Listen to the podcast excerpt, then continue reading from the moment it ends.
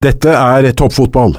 Hvorfor ler dere hver gang jeg prater opp med Obos? Nå må dere ta dere sammen, alle tre. Jeg mener har fått det laget til å overprestert noe så inn i gamperæva. Spill 23 minutter. 4-0. Faen. Det gjelder jo ikke bare tipping, men altså folk flest er jo idioter. Uh, det er mulig, Ja. Han kommer ikke til å gå gratis. 96 flasker med, med øl skulle de ha for han.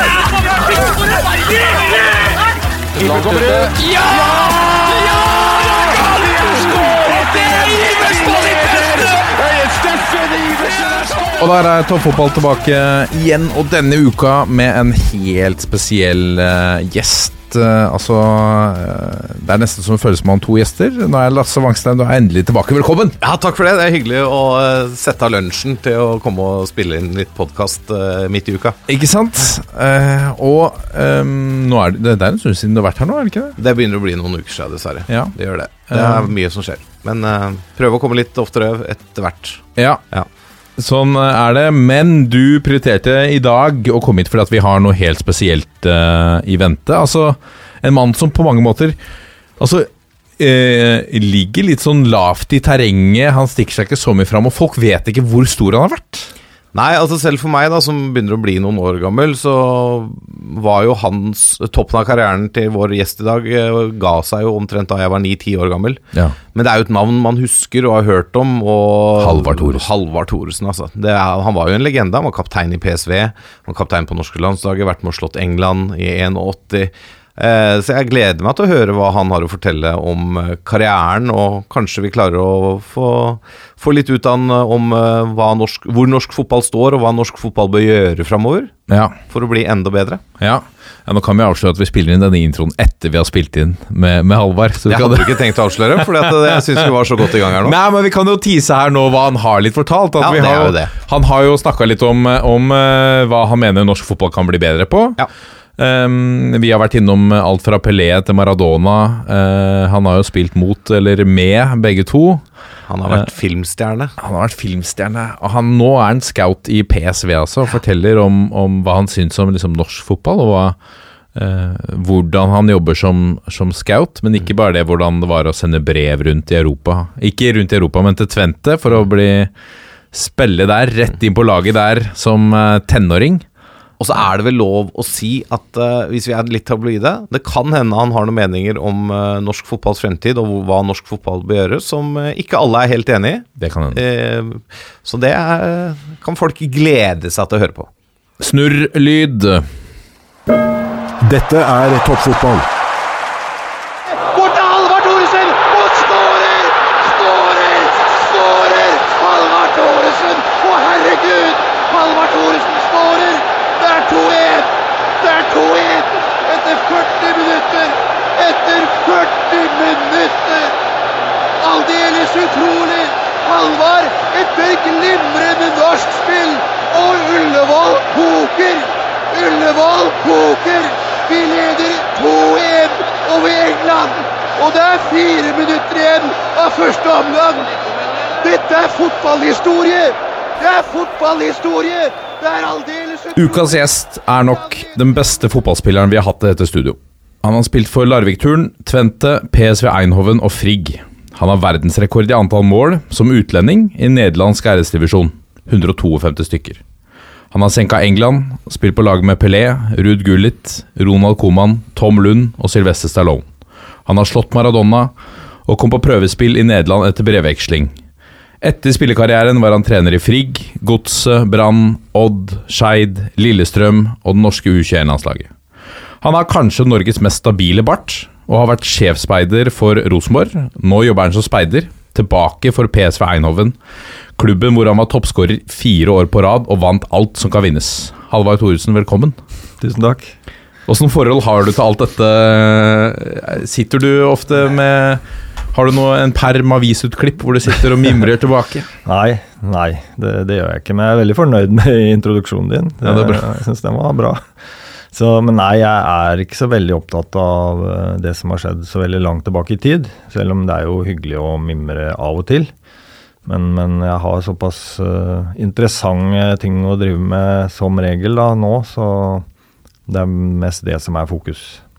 For da hadde kanskje, hvis du hadde blitt uh, fotballpensjonist, eller da hadde det kanskje vært litt bedre tid til å sette deg ned og, og Ja. tenke tilbake. Ja, det kan jo hende, men nå har jeg heldigvis uh, hatt full pakke helt siden jeg begynte å spille fotball, egentlig. Så det har gått uh, ett i ett, det. Men jeg var i Nederland forrige uke, og da møtte jeg noen gamle venner, og da blir det jo av og til litt uh, nostalgi.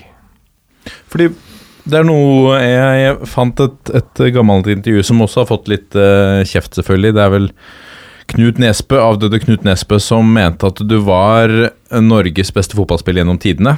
Og så tipper jeg at ikke du er eh, Du, du kan aldri si deg enig i en sånn betegnelse, men, men han, eh, han mente at eh, han hadde sett hvordan du ble tatt imot når du kom til Nederland selv så lenge etter at du hadde gitt deg.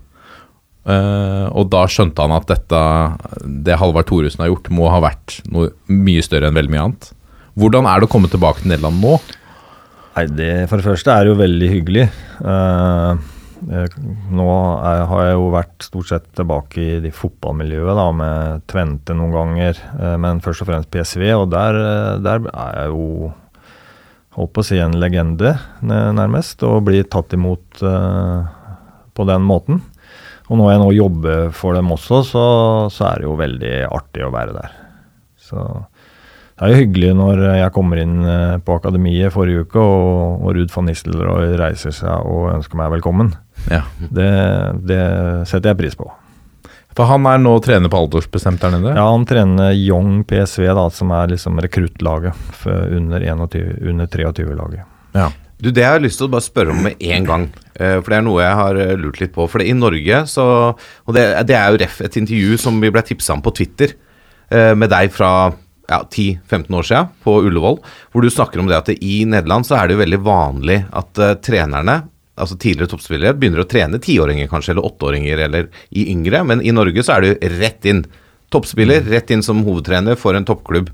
Um, har du no, noen tanker om at det er en bedre vei det Nederland eh, gjør for å utvikle trenere? Eller er det Ja, det, det, det tror jeg nok. Jeg kan si meg enig med deg i. At det og den erfaringa du får da gjennom å lede lag, grupper, eh, og bruke litt tid på, på de prosessene og den læringsprosessen det er, det tror jeg er fornuftig. Så du kan si Den nederlandske trenerutdanninga er jo den, noe av den lengste i verden. Sammen med spanske, tror jeg. Eh, og det går på at du også må For å bli topptrener så må du ta diverse kurs, selvfølgelig, og det, det gjør man jo overalt. Men her må du også ha praksis over tid mellom neste steg Ja, nettopp. i utdanningen. Så det tar kanskje åtte-ti år å bli eh, Kan du si få den Uefa Pro-lisensen, da. Som, eh, som du trenger for å trene lag på øverste nivå. Og i mellomtida må du ha både teori og, og den praksisen, da. Så de er veldig opptatt av det. Ja, For Dennis Bergkamp starta med tiåringen i Ajax, liksom. Det, Ja. Ja da, og det, det er eh, De fleste har gjort det i Nederland, om ikke alle. mm. For det, det intervjuet ble gitt for ti år siden, og da satt du og snakka om hvordan du håpa, eller hva vi måtte gjøre de neste ti åra. Eh, og det husker jo sikkert ikke du nå, men det var en av de tinga som ble det, Jeg tror du pekte på tre ting, og det var at vi måtte bli kvikkere og raske med, med, med ballen. Mm. Og så var det dette at vi måtte få flere uh, kvalifiserte trenere inn på, på, på yngres. på yngres, ja. Mm. Der har det kanskje skjedd noe, eller? Ja, det tror jeg. Eh, både med det første punktet ditt, altså type trening. Hvordan er det du legger opp treninga? Mm. Eh, jeg husker jo for når vi trente tidligere, så var det jo veldig mye fokus på fysikk, annet. Altså da tenkt på utholdenhet. Og der var jo Norge gode, hadde mye kompetanse, men det er jo ikke det som er det viktigste i fotball. Så den altså type treningsinnhold har jo forandra seg vesentlig, som, som er veldig bra. Og så er det jo etter hvert mange spillere som slutter fotballkarrieren sin, som ja, ikke har noen annen utdannelse, og, da, og blir da i fotballmiljøet, og gjerne som trenere. Det tror jeg er viktig, og, og det har vel skjedd også, at mange har gjort det. Mm. Så det vil jo løfte nivået på spillerne over tid, da. For, men det er jo fremdeles mange klubber som, som har foreldretrenere og er helt avhengig av det. Um, og, og da er det jo viktig at de, i de klubbene at man har en slags um, guide, da. Mm. trenerutvikler, eh, som følger opp disse trenerne og kan hjelpe til å få mest mulig fornuftig aktivitet. Ja, jeg vet i hvert fall, Snakker jeg av egen erfaring, så er det jo en del klubber som får sånn stempel fra NFF eh, fordi at de har da trenerveiledere, og så har du kompetansekurs for foreldretrenerne.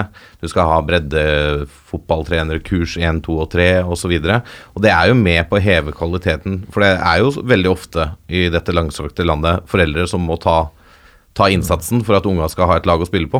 Ja, Og de har kanskje ikke akkurat den kompetansen som kreves for å trene dem, egentlig. Og da får du, får du det av klubben, og det er jo veldig bra. ja. Mm. Og det er et stort løft. Eh, Det er, det er en slags klassifisering da, hvor du eh, Jeg har vært med på å diskutere litt innholdet i akkurat det konseptet der, og det, det er veldig bra for, for norske forhold.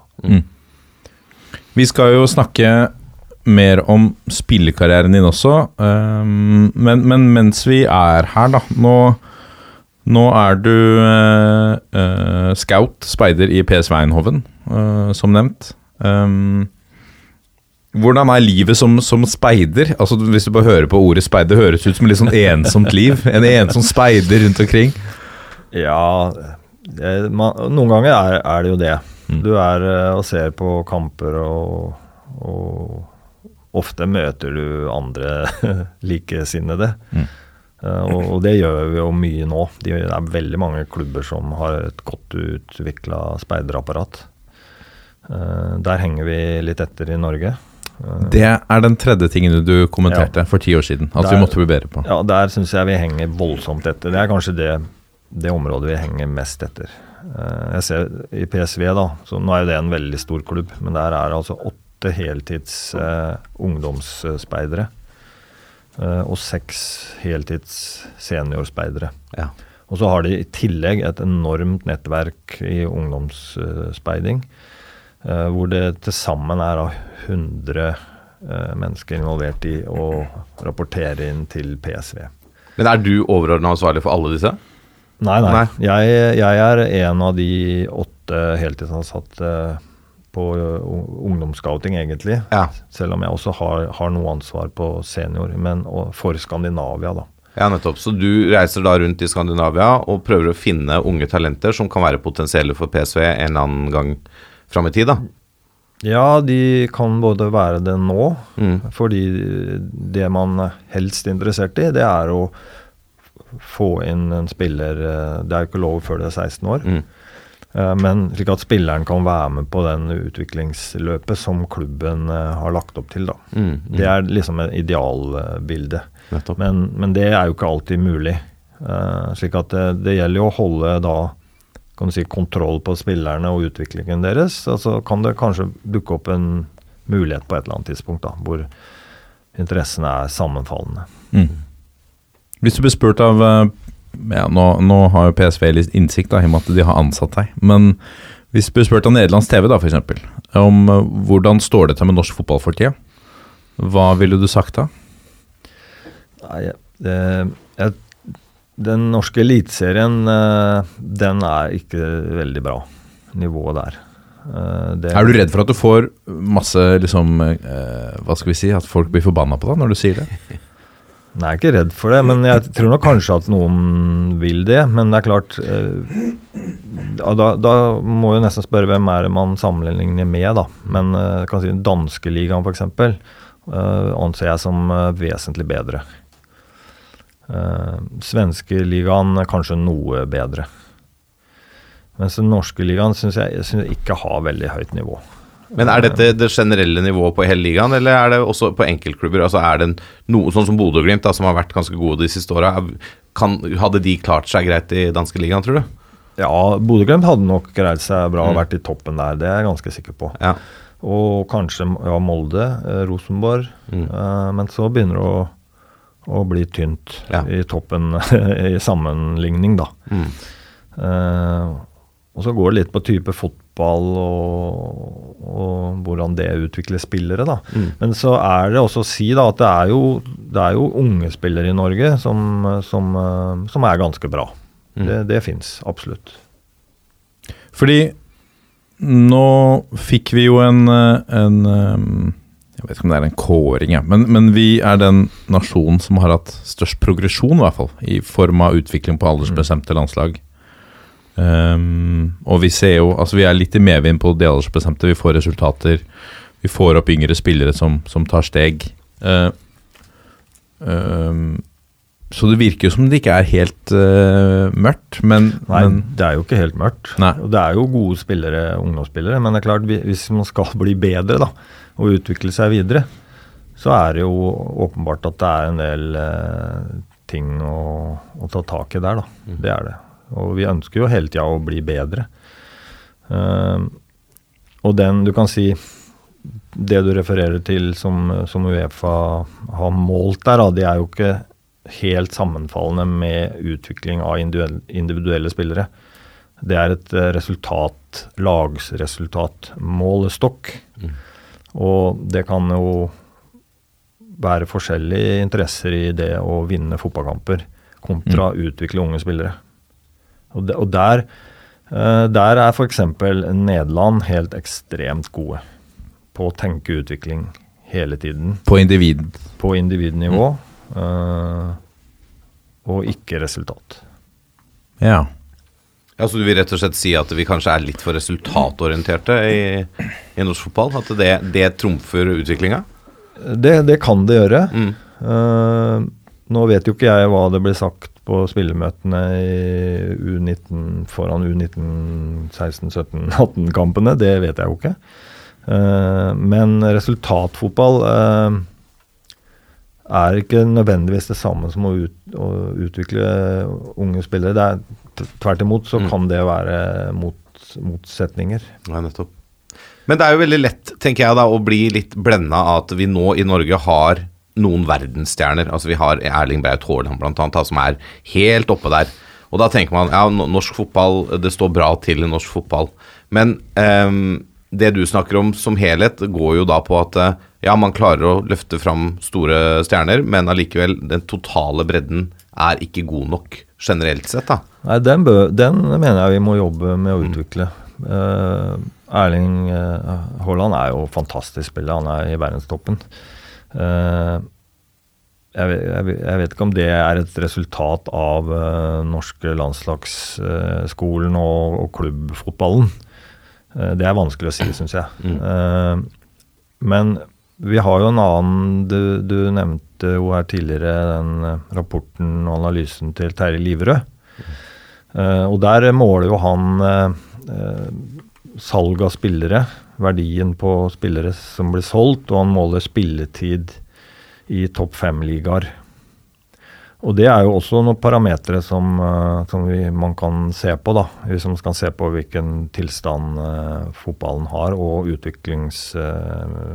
utviklingsnivået på norske spillere. Mm. Og der ligger vi jo dårlig an.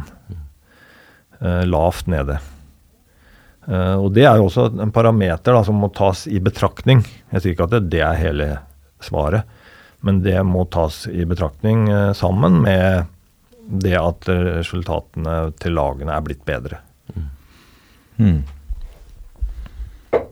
Mm. hvis du ser på um, spillerkjøp, da Altså, norske spillere uh, har jo alltid den drømmen om en proffkontrakt. Og så har du gode spillere, de velger kanskje sånn Danmark, Belgia, Østerrike-varianter. Og så de litt bedre kanskje går til Nederland, da. Som har en høy stjerne. Og så de absolutt beste går til topp fem. Um, hvis du skulle anbefalt en, uh, en veldig god norsk 19-åring neste steg på veien fra Eliteserien, da, er det da Nederland først, eller er det type Belgia, Danmark, Østerrike, og så gå veien? Det, det, er, jo, det er jo helt eh, individuelt, Mm. egentlig. Uh, men det jeg, har- jeg har best kjennskap til, er jo den nederlandske utviklingsmodellen. Og, Mm. og der er det muligheter å bli god, altså. Mm. Det er det for de aller fleste. Og hvis en nederlandsk klubb vil ha deg som eh, 16-17-18-åring, så ville jeg vurdert det veldig sterkt som fotballutviklingsmessig. Men så er det jo noe med personlighet, om du har lyst til å flytte fra venner og familie. og Det er, mange, det er flere aspekter, da. Mm. Eh, og så Nederland er jo også et, et godt eh, sosialt sted å komme til. Eh, klubbene tar veldig godt vare på deg. eh, Jeg kjenner ikke Belgia og Østerrike i den sammenheng så godt, men, men nederlandsk eh, utviklingsmodellen, den tar for seg hele mennesket i s- veldig stor grad. Hvis du skulle nå Det blir jo veldig tatt på senga her, men, men ref den, eh, det intervjuet du gjorde for ti år siden Hvis du skulle pekt på tre ting som vi må jobbe med de neste ti åra for å bli bedre, er det, er det de samme, eller er det Jeg ville jo i hvert fall eh, lagt på scouting med en gang. Mm. Altså det, for det syns jeg er veldig rart at eh, ikke norske klubber forstår eh, betydningen av det. Og da snakker jeg ikke om å hente spillere fra langt unna. Tvert imot. Man må jo begynne i eget lokalområde. For det er helt sikkert spillere der som går under radaren. Mm. Som, ja, og ikke, når ikke de får oppmerksomhet eller får det tilbudet de ønsker, så begynner de med noe annet. Eller bare ha fotball på, på fritida. Eh, så der, der er det spillere å finne, det er jeg helt overbevist om. Uh, og så selvfølgelig må man eh, med, i forhold til ambisjoner uh, og, og ressurser da, utvide det søket. Og så er det jo veldig mange nå i, som driver videoscouting, som ikke behøver å koste så mye heller. Men det er klart du må ha mann, mannkraft eller, eller damer til å sitte og gjøre den jobben. Så det, det, en, det må prioriteres. Det må opp på styrerommet, og det må avsettes av penger. Og det er egentlig nesten det første du bør sette av. Ja, for jeg stusser veldig på det at norske toppklubber ikke investerer det det koster da, å ha et ordentlig scoutingapparat, både som du sier lokalt i Norge, da, for å si det sånn, på unge spillere som kan komme inn og gjøre en jobb fram i tid, og også når du skal hente litt fra utlandet. Det, det virker som det er så mye tilfeldigheter. Og så tenker jeg Hvis du klarer å finne en eh, ja, altså en Osame Sarawi-type, da, ikke sant, som eh, går litt sånn opp fra ungdomsfotballen og inn, og så kanskje blir solgt for 10 millioner, da. Så har du sannsynligvis tjent inn den scouting-investeringa på én spiller. Uh, og du kan også finne fantastisk jeg, jeg bare skjønner ikke hvorfor norske klubber ikke prioriterer det og legger penga på andre steder. Men, men opplever du, Halvard, at det er eh, Fordi én ting er hvis du har pengene. Da kan man jo stille spørsmål hvorfor prioriterer man ikke penger på det. Men det er vel kanskje også en del klubber som Uh, altså har nok med kanskje å holde seg litt flytende. Eller du, du trenger en spiss, da, så istedenfor den spissen så skal du ansette to scouter.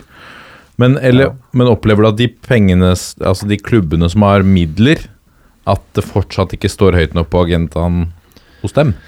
Ja, det gjør jeg. Uh, for eksempel Rosenborg.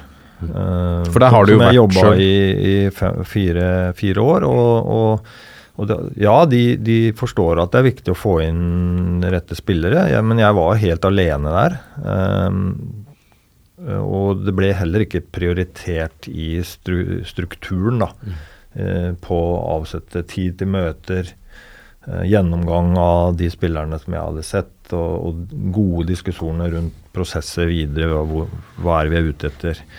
Eh, så det, er, og det har ikke noe med at ikke man vil å gjøre, tror jeg, men, men forståelsen av hvor viktig det er, den, den, og den blir jo heller ikke prioritert i noe særlig trenerutdanninga, f.eks. Uh, og, og så har du en et annet aspekt her. Det er jo at eh, i Norge så er, er det jo hovedtreneren som mm, du, har eh, blanke ark, nærmest.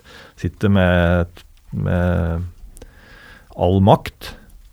Og det blir jo også feil i en, i en eh, langsiktig eh, tankegang, da, hvor, hvor treneren eh, skal bestemme det meste, og så er han borte hvert tre år.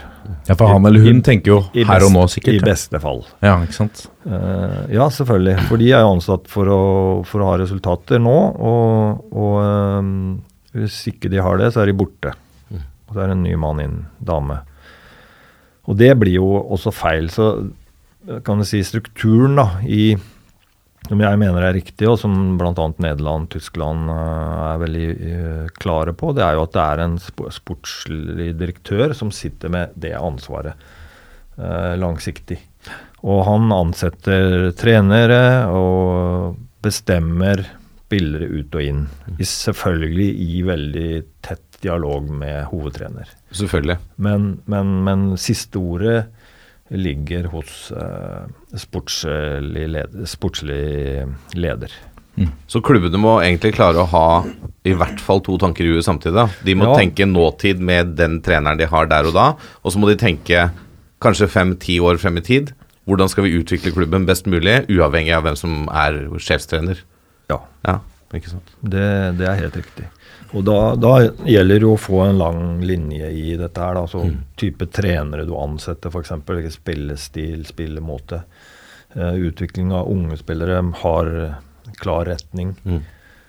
Hvilke type ferdigheter, roller utvikler du? Det er, det er ganske omfattende struktur i, i det der. Det er ikke noe, det er ikke noe sånn der quick fix. Eh, Men det er jo, det er jo eh, den måten man kan overleve stabilt på et høyt nivå over tid. Mm. Hvilken Er det noen norske klubber her som er bedre enn andre, da? Eller er alle like dårlige på dette?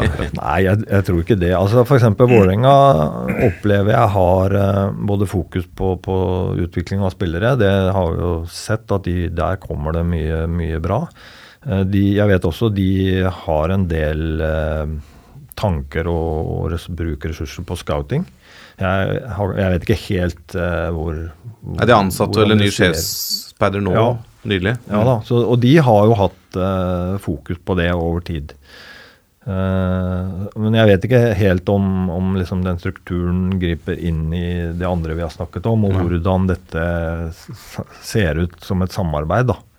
Uh, for det er jo veldig viktig. Mm. At, uh, at scoutingavdelingen, hvis jeg kan kalle det det, er veldig på nett med det sportslig leder mener, hovedtrener, og, og få samarbeid, få det til å fungere og gli inn i hverandre. Mm, mm. Slik at man, man henter inn spillere som man har behov for, da, og ikke, ikke har fra før, for å Ja. si det sånn.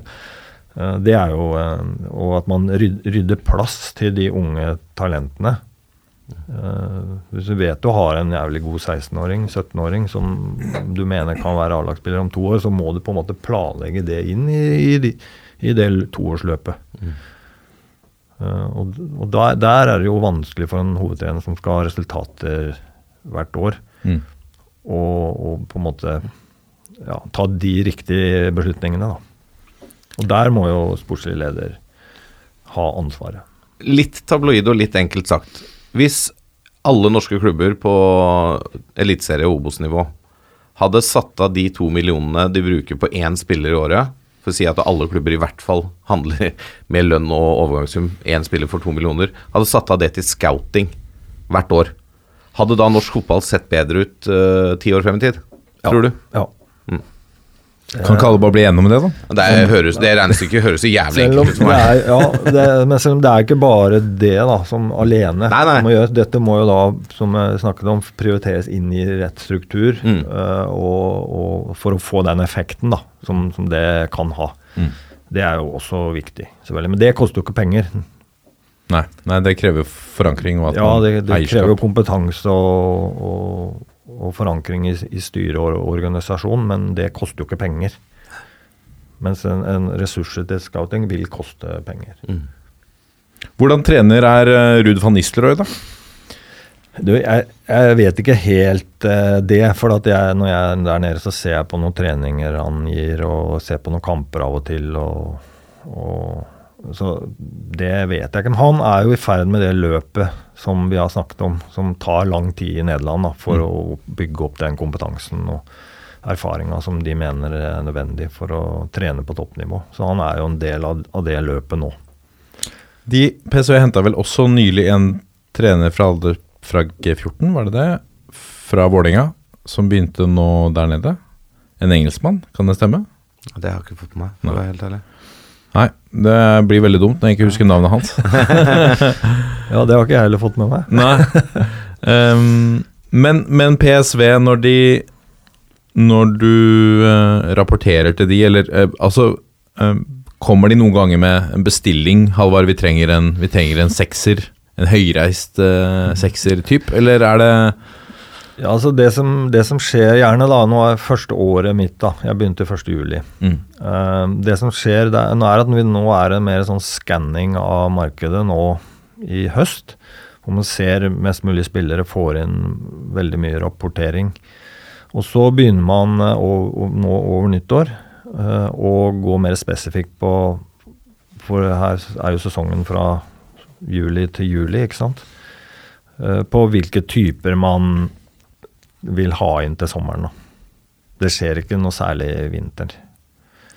Eh, så da vil jeg få en, en bestillingsliste på Og da har man liksom vurdert sine egne spillere først. Hvem er det vi har lyst til å ha med videre? Hvor er det vi har hvite flekker, som de kaller det? Tomme, tomme båser.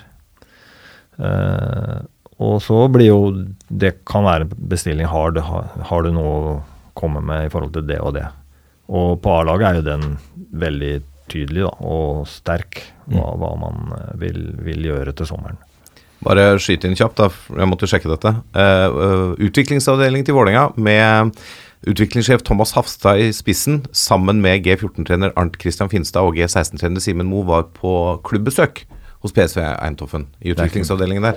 Det er ikke det jeg mener, men Nei, jeg, skal okay. komme, jeg skal komme tilbake Du får finne det. Det var det jeg fant. Utveksle erfaringer og nyttige referanser i Nederland, står det.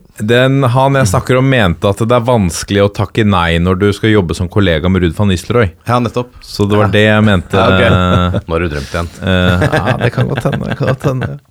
Um, vi må eh, skru uh, Altså, en sånn- vi må skru klokka helt tilbake. Hvor langt skal vi tilbake da? Da skal vi en stund tilbake. 76, eller?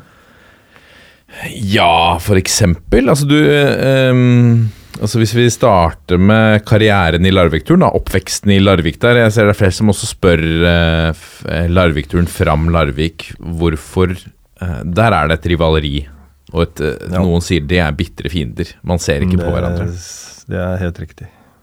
Hva, hva, hva kommer det av? Jeg ble jo født inn i det. Uh, mora og faren min var jo Larvik-Duren-folk, hvorav eh, bestefaren min hadde vært uh, styreformann i Larvik-Duren i idrettsforening i, i mange år, og dommer. Så jeg, jeg vet ikke bedre, egentlig, enn at det, det er noen der nede som heter Fram, som ikke er bra. Det, sånn var, det var sånn den gangen. Ja. Uh, og det, når vi begynte å spille og så hadde kamper mot Fram f.eks., så var jo det høydepunktet det året, og den måtte vinnes for all del. Og nå er vel ikke den eh, rivaleriet så sterkt lenger, tror jeg. Eh, men det var, så lenge jeg var i Larvik, så var det det viktigste. Jeg, vet at, eh, at eh, Fram har jo eh, Nå har vi jo toppfotballvenn Håkon Lunov utplassert i, i Fram Larvik. Så jeg har skjønt at de har hatt litt initiativ med lokalsamfunnet der for å invitere klubbene rundt på, på kamper og sånn. Og da kommer Stag, det kommer folk fra Halsen. Larvik-turen kommer aldri. Nei. Det hjelper ikke å invitere de. Men hva slags Du snakker om Larvik-turen-folk og Fram Larvik. Hva er er det, noe, er det noe klasse der, eller er det, er det liksom noe beidere mot? det var jo vel egentlig opprinnelig arbeiderklassen uh, som er fram-tilhengere mennesker. eh, og borgerskapet, det var jo en annen inndeling i, i sånt før, som var Larvik-turen. Det var opprinnelig. Ja. Eh, og du vet, på 50-tallet så var jo Larvik, Sandefjord, Horten var jo de ledende byene i Norge på fotball. Hører du det, Lasse? Ja, jeg er fullstendig klar over det. Jeg har en far fra Sandefjord som er vokst Ja, opp med akkurat ja, det. Ja, ja. Larvik-turen har jo tre seriemesterskap eh, på slutten av 50-tallet. Mm. Fram har, har ett. Ørna fire uh, cupkull. Ja, riktig. Og så var det jo noen Oslo-lag og noen Østfold-lag. Og Viking. Det har jeg Ja. hørt mange historier om. ja. Fordi du er sønn av eh, Gunnar Thoresen, som uh, skåra i omtrent i hver tredje landskap han spilte. Hvordan var eh, Du har omtalt han som en, en, eh, en hedersmann på alle mulige måter. Eh, hvordan var det å vokse opp Altså, var det bare fotball i, i heimen? Ja, det vil jeg nok si, selv om han blanda seg liksom aldri i hva kampen Altså, han var og så på kampene, men han, kom, han ikke, ville ikke blande seg i liksom hva jeg valgte å gjøre, og hvordan jeg spilte og, og den type ting. Han, han var bare interessert, og var jo på turen på Lovisenlund veldig mye, han også. Så han var jo trener for noe lag der, og Allboys spilte han vel litt, til og med. Ja. Og spilte på landslaget da han var 39? Ja. Som den rekorden sto vel Jeg leste, fant ut at den ble slått. Det var Frode Johnsen som slo den for noen år tilbake. Men den sto ganske lenge. Ja. Det er, det er ikke gitt. Ja, kanskje, vi, kanskje Erling Berat Haaland kan holde det gående hvis han holder kroppen i gang. Ja, spørs om den kroppen Han begynner jo å hangle litt allerede. Allerede, ja. faktisk, ja. Men um, bare i forlengelsen av praten om Larvik-fotballen Jeg tar uh, Magnus Jernslett sitt spørsmål, jeg, lyttespørsmål. For han eh, tanker om hvorfor Larvik-fotballen ikke kommer seg videre nå i, i dag. Og så fortsetter han med uh, Er det for kort vei til Odd og Sandefjord for de største talentene? Er det derfor? Og er det utenkelig, og det har du vel egentlig svart på, med et samarbeid mellom Turn og Fram? Det er vel helt utenkelig? Ja, det virker jo sånn. Ja. Eh, det var jo et forsøk på, no, på noe som het eh, Larvik fotball Mm. for en del år siden. Og, men da var jo ikke Larvik-turen med. Nei, ikke Det var alle de andre klubbene. Mm. Og, og da stopper det opp eh, på et eller annet tidspunkt, også i forhold til ressurser og sponsoring og, og sånne ting. Er, Larvik er jo en liten by, så du er jo avhengig av at alle, alle drar i samme retning her. Uh, og det, det er vel det som skal til, eller burde skjedd den gang. Mm, mm. Nå har jo Sandefjord gjort, eh, gjort det samme, og, og Odd på en litt annen måte. Men, men det er klart, de, det går jo talenter de veiene der. Uh, og, og det er jo ti klubber i Larvik kommune som, hvis man hadde klart å samarbeide, hadde uh, kunnet hatt samme status som Sandefjord nå, f.eks. Det vil jeg tro. Du starta Altså, du debuterte som 16-åring. 16 år og 10 måneder eller noe sånt. Um, to mål i debuten, stemmer det? Det, må vel du vite. ja, altså, altså jeg, jeg har, jeg Ja, har stresstesta noen av kildene mine her før vi gikk Ja, inn, og du har korrigert meg litt. Men jeg, jeg tror det stemmer. Ja, Det husker jeg ikke. Hvor, men men eh, og for meg, som har skåra fire mål hele min karriere, syns jeg at det er veldig rart å ikke huske det. Men, men eh, hvor mye husker du av sånt? Jeg husker lite. Ja. Jeg gjør det. Jeg, jeg er eh, veldig fokusert på det som eh, skjer nå, liksom. Ja. Liker du å prate om det? Det som har skjedd. Ja. Ikke sånn, ikke veldig mye. Nei. Kan du gjøre det her? Skal ikke, ja, du skal ikke holde på for lenge. Men vi må ta eh, eh, Altså, dette er jo en annen tid. Eh, fordi da, da spilte Larvik-turen på andre nivå. Ja. Eh, og du kom inn der som 16-åring. Var det liksom Husker du om det var noe spesielt? At du var jo da en ganske ung mann som kom inn på et relativt høyt nivå. Ja, ja, det var nok det. For jeg vet jo VG var jo der ofte med Rolf Arne Odin. Han var jo stamgjest på Ja. Lovisenlund en periode da. Så de var i hvert fall veldig interessert i det, da. Uh, så ja, han lukta vel kanskje noe. Så du var litt Og så er du jo en ydmyk mann, så det sier du sikkert ikke, men, men, men da var det litt hype rundt deg også som et fremadstormende talent? Ja, i Norge, ja. Var Ja. det. Ja. Ja. Men du måtte sjøl sende brev rundt i, i Europa? Var det ingen som eh, var på Det var ikke scouting da. Nei. Altså, det Det skjedde jo ikke. Uh, så vi sendte jo ikke brev rundt i Europa, vi sendte brev til FC Tvente. Ja. Uh, Reidar og jeg. ja. Reidar Sundby. Reidar Sundby. Uh, og så Jeg vet ikke helt om vi hadde trodd vi skulle få noe svar, men plutselig fikk vi svar. I brev. Ja. Om at vi var velkomne på en sånn talentkampturnering uh, turnering de hadde i påsken 76. Og da er de takket ja. De, visste, de hadde jo ikke noe Det var jo ikke noe Wisecout eller Instat eller de ante jo Nei, ikke de visste jo ingenting annet enn det vi skrøt av sjøl. Ja. Så det var jo sånn shot in the dark for dem, selvfølgelig. Mm. Men, eh, men det, vi, vi dro ned der, da. eh, og spilte en kamp.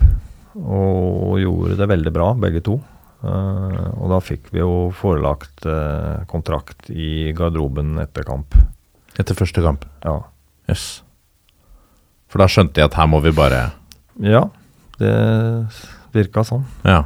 Og hvis dere spilte der da, så var det jo eh, Sjansen var vel at det var flere andre som så den matchen også. Nei, Det tror jeg var sånn intern sak. Så det var det, de hadde jo viss scouting-opplegg internt i Nederland. da. Så det var liksom talenter de hadde innbudt til den kampen. Ja. Fra hele Nederland. Men da var du eh, 18? Ja. Kom til Nederland på en tid hvor eh, de sto mellom øh, to VM-finaler. Eh, Tvente hadde tapt europacupfinalen samme året som du kom. Mm. Og Nederland produserte en haug av Mange av de blant de beste spillerne i verden. Eh, og så fikk du en lærlingkontrakt og gikk rett inn på laget etter et par måneder. Altså fra å ha sendt, sendt, sendt et brev in the dark til, til rett inn på laget etter en, en liten stund. Altså Tvente her må jo ha tenkt bare herregud, hva er det hva er som skjer Hva er det som skjer i Norge der? Ja, vi, jo, vi ble jo tatt veldig godt imot av klubben. Vi, for det første så var vi med på A-lagets treningsleir uh, da vi kom ned i juli. For da hadde ikke ungdomslaget begynt ennå. Det var de vi egentlig skulle trene med og spille med. Eh, så vi fikk jo vi fikk veldig bra forhold med en gang. Eh, og så begynte jo disse kampene på U-laget. Og der gjorde vi det bra begge to. Eh, og det var jo fantastisk for oss å kunne trene to ganger om dagen på strøkne gressmatter med, altså med gode med- og motspillere. Det var jo helt enormt. Mm. Um, og så utover høsten så hadde A-laget De hadde veldig dårlig, begynte veldig dårlig sesong. Det lå helt ned på nedrykk, faktisk. Og det var jo ikke vanlig for Tvente, som var liksom subtopp. Så det ble veldig krav om, eh, om å gjøre noe da, på han treneren. En tysker som heter Nei, luxemburger heter han. eh, som heter uh, Spitz Som var en knallhard eh, tøffing. Det ble veldig krav eh, fra alle hold om å gjøre endringer. Og eh, eneste endring man kan gjøre da, det er jo å hente opp noen unge spillere. Da. Så det var flere unge spillere som fikk muligheten da. Eh, blant annet jeg, da. Eh, spilte, da spilte jeg spiss, faktisk. Alenespiss i 4-3-3. Eh, og det husker fra, det husker jeg litt fra den kampen, faktisk. Jeg var ganske misfornøyd sjøl med min egen prestasjon. Jeg syns ikke jeg hadde gjort noe særlig. Jeg hadde kanskje et skudd på mål og ikke noe særlig bra aksjoner, syns jeg, synes jeg sjøl. Involveringer. Men, men fikk veldig bra kritikk av en eller annen grunn. For det, det har jo med forventninger å gjøre, da, selvfølgelig. Mm. Av, av media, og treneren syntes jeg hadde gjort det ålreit. For han kalte meg inn dagen etterpå og spurte åssen jeg syntes det hadde vært. Nei, syns, jeg, syns ikke jeg fikk, fikk det nå, sa jeg til han. Og det var han litt overraska over, da. Men så sa han etterpå at eh, han hadde jo snakka med andre av de unge spillerne som hadde fått muligheten da, i andre kamper. Og de hadde blitt så overraska over hvor tøft nivået var. Mm. Og det likte han ikke, da. At de syntes det. At det var vanskelig å spille utpå der. Men det gjorde ikke du. Nei, tvert imot, egentlig. Eller tvert imot. Eh, I hvert fall så var jeg misfornøyd med min egen prestasjon. eh, og det har jo med å gjøre hva du tror du kan få til, da. Mm. Og, og han, han var ikke det, så da skjønte han kanskje at eh, jeg så det litt annerledes enn de andre, da. Han skjønte kanskje at huet var riktig skrudd på plass til å, være en, å bli en toppspiller? da, at eh, Ja, jeg vet jo ikke helt hva han tenkte Nei. sånn sett, da, men han mente at det var i hvert fall bedre inngang på en videre Mm. karriere. da, altså Jeg spilte jo fast på laget etter det. Vi, jo, vi ble jo cupmestere det året. Ehm, så, og redda plassen. Så det var jo En bra sesong ble det da til slutt, da. Men eh, bare litt tilbake til det du nevnte i stad om uh, unge spillere som skal ut av landet. Du var 18 år når du drar til Nederland. Var du helt klar for å flytte fra Norge, fra trygge Larvik, til uh, Nederland? Uh, du var liksom så innstilt på det at det, det gikk helt problemfritt, liksom? Altså, jeg ikke jeg så Før jeg dro, så tenkte jeg jo ikke overhodet over eh, noe annet enn eh, at jeg skulle ned og spille fotball. Mm. Men det er klart, det kommer jo en hverdag med Du må ordne en del ting. Du må få nye venner. Du skal etablere deg, bo, lage mat. Og en, det kommer en del ting i hverdagen da, som jeg ikke hadde tenkt over i det hele tatt. Og som, det var jo noen perioder her som lengta litt hjem. Men fotballen var jo så bra og sterk eh, og, og hadde så mye fokus at, det, at jeg kom jo gjennom sånne perioder ganske greit. Eh, men det er klart, det er, det er et steg å ta eh, ut, utover Altså, alle vil like fotballen i Nederland. Det, det er ikke noe problem. Men, men eh, det å endre miljøet, da, det kan jo være en utfordring. Jan Gjøring. Stemmer det at, eh, at eh, han eh, Hans besettelse etter mål nummer 100 sørga for at For han sto med 99 skåringer. Og det, etter hva jeg har lest, så gikk omstendighetene så lei etter han at han aldri klarte å få den hundrede, at du gikk rett inn på laget der. Ja, det var jo i den samme perioden. Mm. Det var jo det, og det, det var jo Jeg vet ikke om det var han sjøl som var så veldig besatt av å score nummer 100, men alle andre var det. Mm. Det sto liksom foran hver kamp, så, for han hadde jo bøtta inn mål. Når, nå, nå kommer målet, liksom. Nå kommer det hundrede målet. Men det kom jo aldri. Og han bomma jo på det helt ekstreme av målsjanser. Og jeg husker en gang han øh, han bomma på, på en stor målsjanse, og, og publikum begynte å pipe og bue da, ikke sant. Så bare gikk han rett av banen. Å ja. Og ble bytta ut, da. Men, eh, eller han ble erstatta. Men han gikk av banen sjøl. ja. Uten å bli bytta ut av treneren. da. Han Ja. bytta seg sjøl ut. Men enten på 99 Jeg tror det. Uff. Men det er jeg ikke helt sikker på. Om han kanskje kom inn i seinere i en kamp og fikk den der da, Det er jeg ikke helt sikker på. Jeg sjekka han skåra 103 mål i all competitions, står det på Wikipedia. Så det er mulig han bikka over til slutt, da. Men eh, det er tydelig at det sitter langt inne. Ja, ja. All competitions, det er jo cup og er det ikke det? Ja, det er cup og europacup, vet du. Ja. Så Men, øh, men i hvert fall så var det i den samme perioden, da. Så klart, det, det, hadde han skåra to mål i hver kamp, så hadde jo ikke jeg fått den debuten da. Nei, for det er jo Fotballen er jo mye tilfeldigheter òg. Ja på, ja, på en måte er det jo det. Altså på når du får debuten, kanskje. Ja da. ja da. Mm. Det, det kan det være. Ja. Og så er det jo litt sånn, og noe av gamet er jo at når du får sjansen, så må du være der. Mm, mm. Uh, og du vet på en måte ikke når den kommer. Så det, det, den egenskapen er jo ikke tilfeldig. Nei.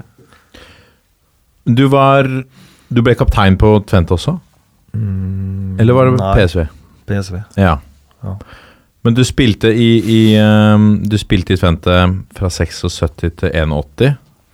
Uh, ifølge Wikipedia 46 skåringer på 135 kamper. Med bo, Bare som spiss, eller som uh, Nei, jeg, offensiv? jeg spilte stort sett uh, venstrekant Ja. i 4-3-3. ja. Uh, så ja. Men det, jeg hadde noen kamper som spiss til å begynne med der. Uh, men det var ikke mange. Nei. Da må jeg spørre, hva, hva er godfoten? Høyre eller venstre? Mm, det er høyre. Ja, Så du har egentlig innoverkant? Ja. Ja, ikke sant? Allerede da? eh, Men um, jeg er ganske tobeint, fordi jeg har øvd veldig mye på venstre. Fordi jeg erfarte jo det, da, at det kommer foran mål, så, ikke, så kan du ikke velge Nei. så ofte. Høyre eller venstre. Mm. Og det var veldig gunstig å kunne i hvert fall en god del med venstre. da. Mm. Så jeg har jo skåra kanskje nesten like mye mål med venstre, egentlig. For Det er kanskje noe av det jeg oftest legger merke til i apropos Eliteserien. da. Spillere som må ha han på én fot. De er i en posisjon til å bare dunke til med den foten de ikke er mest komfortable med, men så må de gjøre en eh, dragning for å få den over på riktig fot før de avslutter, og da renner det ut i sanda. Ja, så ser du ofte liksom hvis du kommer løpende med ball f.eks., og så får press på deg fra en eller annen side. Eh, og hvis du da må ha den på den sida hvor presset kommer inn, det ser jeg jo ofte. Istedenfor å holde den vekk fra presset og avslutte med kanskje feil bein, da. Men, men, men da får du i hvert fall avslutta ordentlig. Hadde du noen spesielle grep for å trene opp venstrefoten til å bli dugende? Ja, det er repetisjoner. Ja. Veldig mange forskjellige varianter. Det er eh, repetisjoner, repetisjoner. For Jeg hørte en historie om en av disse Laudrup-brødrene. Han bandt fast høyrefoten, han. Og så sto han og bare skøyt med venstre og, og sentra og skøyt på- fast? Hvor da? Ja, I en eller annen stolpe. Oh, ja. Og så sto han og sentra med broren sin, eller skøyt på mål eller på vegg eller noe sånt. Bare for å øve på venstre, venstre, venstre. Og Gam Stå var vel egentlig høyrebeint, ja. og har gjort uh, karriere ut av venstrefoten sin. Så det er, det er mulig, da. Selv om det ikke opprinnelig er venstrebeint. Ja, de, det. det trikset der har jeg ikke brukt. Nei. Da lærte du noe i dag òg. Ta med deg til disse du skal etterpå. Um, ja. 1,80. Det skjedde jo flere ting i 1,80, skal vi komme nærmere tilbake til. Men, eh, men um, i 1,80 så går det til PSV Einhoven. Um, etter hvert, altså sluttsummen på kassalappen der ble 106 mål på 179 kamper. Kaptein uh, på et lag med Ruud Gullit, Ronald Koman, Frank Arnesen. Det er u, altså, dette er ikke noen miniputter, sånn i europeisk sammenheng, verken da eller, eller seinere. Eh, og, og det er flere som hevder at PSV kanskje var et av verdens beste klubblag på den tida, og der var Halvard Thoresen kaptein. Omtalt av flere som en hærfører. Hvordan, uh, hvordan, hvordan, hvordan var dette? Nei, det, er, det er jo riktig at vi eh, var, hadde veldig bra lag. Vi vant jo alle, alt som gikk an å vinne i 88. Og da var jeg skada, riktignok, men det var jo den samme troppen og, og spillerne. Så vi vant jo Europacupen for serievinnere, vant serien, vant cupen hjemme og var med i den eh, World Cup for for klubbfotball da, etterpå. Eh, Så vi, vi var nok en av de altså, Per definisjon, da, hvis du er Europas beste lag når du vinner eh, Europacupen for serievinnere, så er du en av verdens beste lag.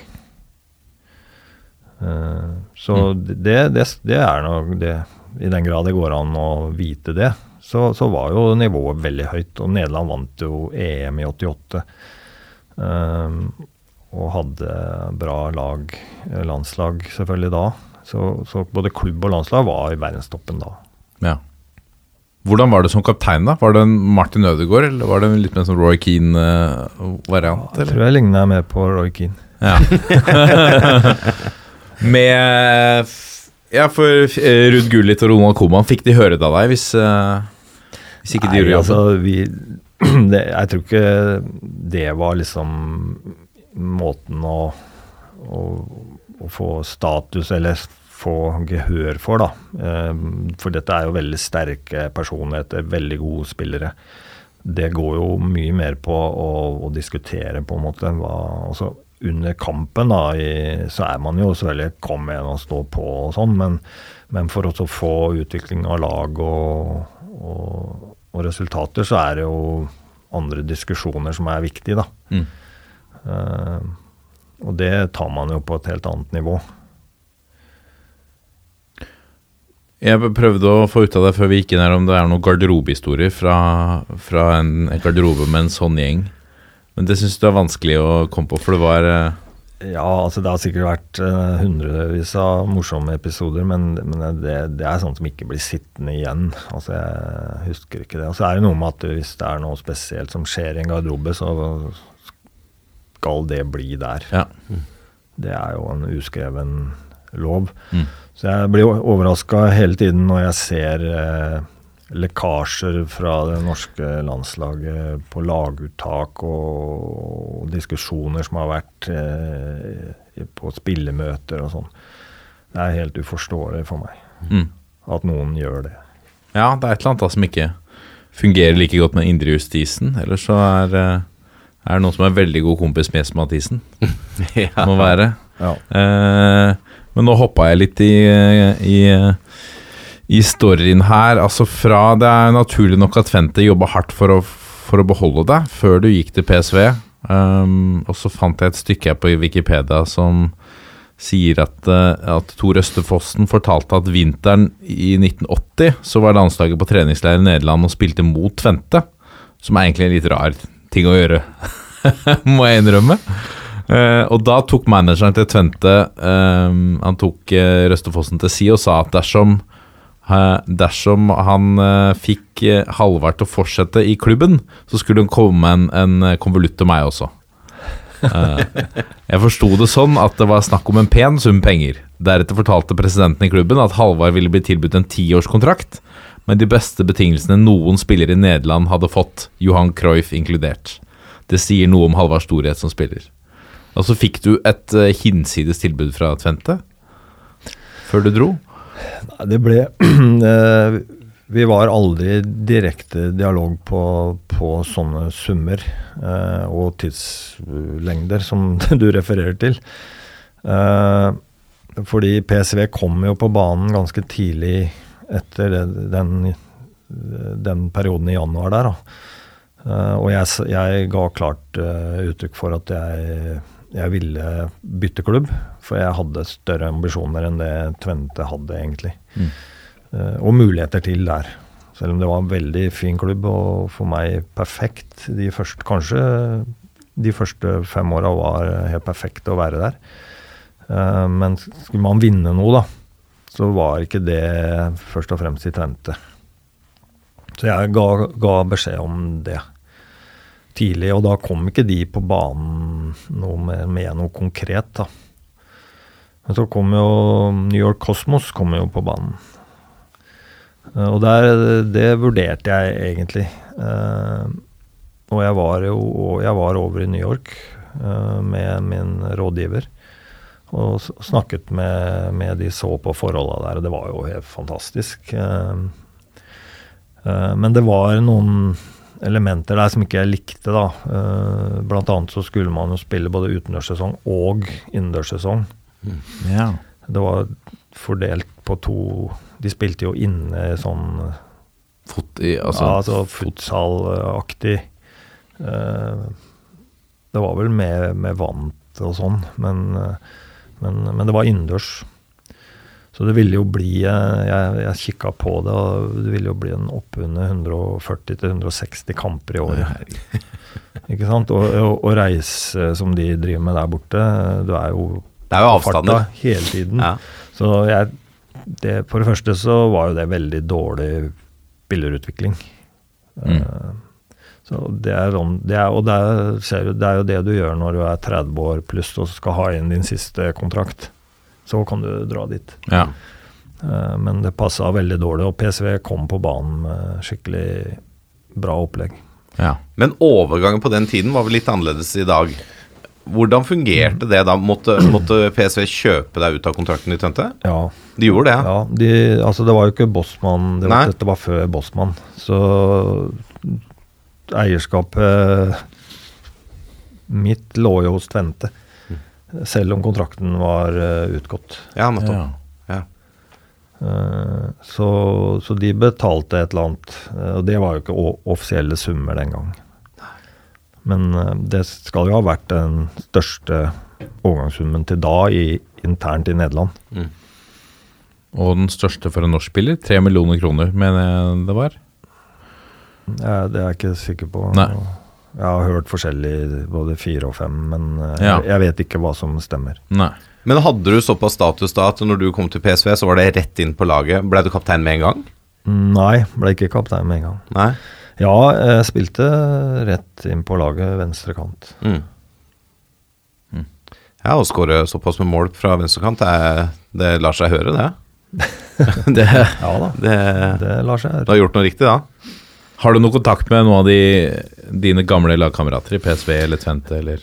Ja, jeg har litt kontakt med noen.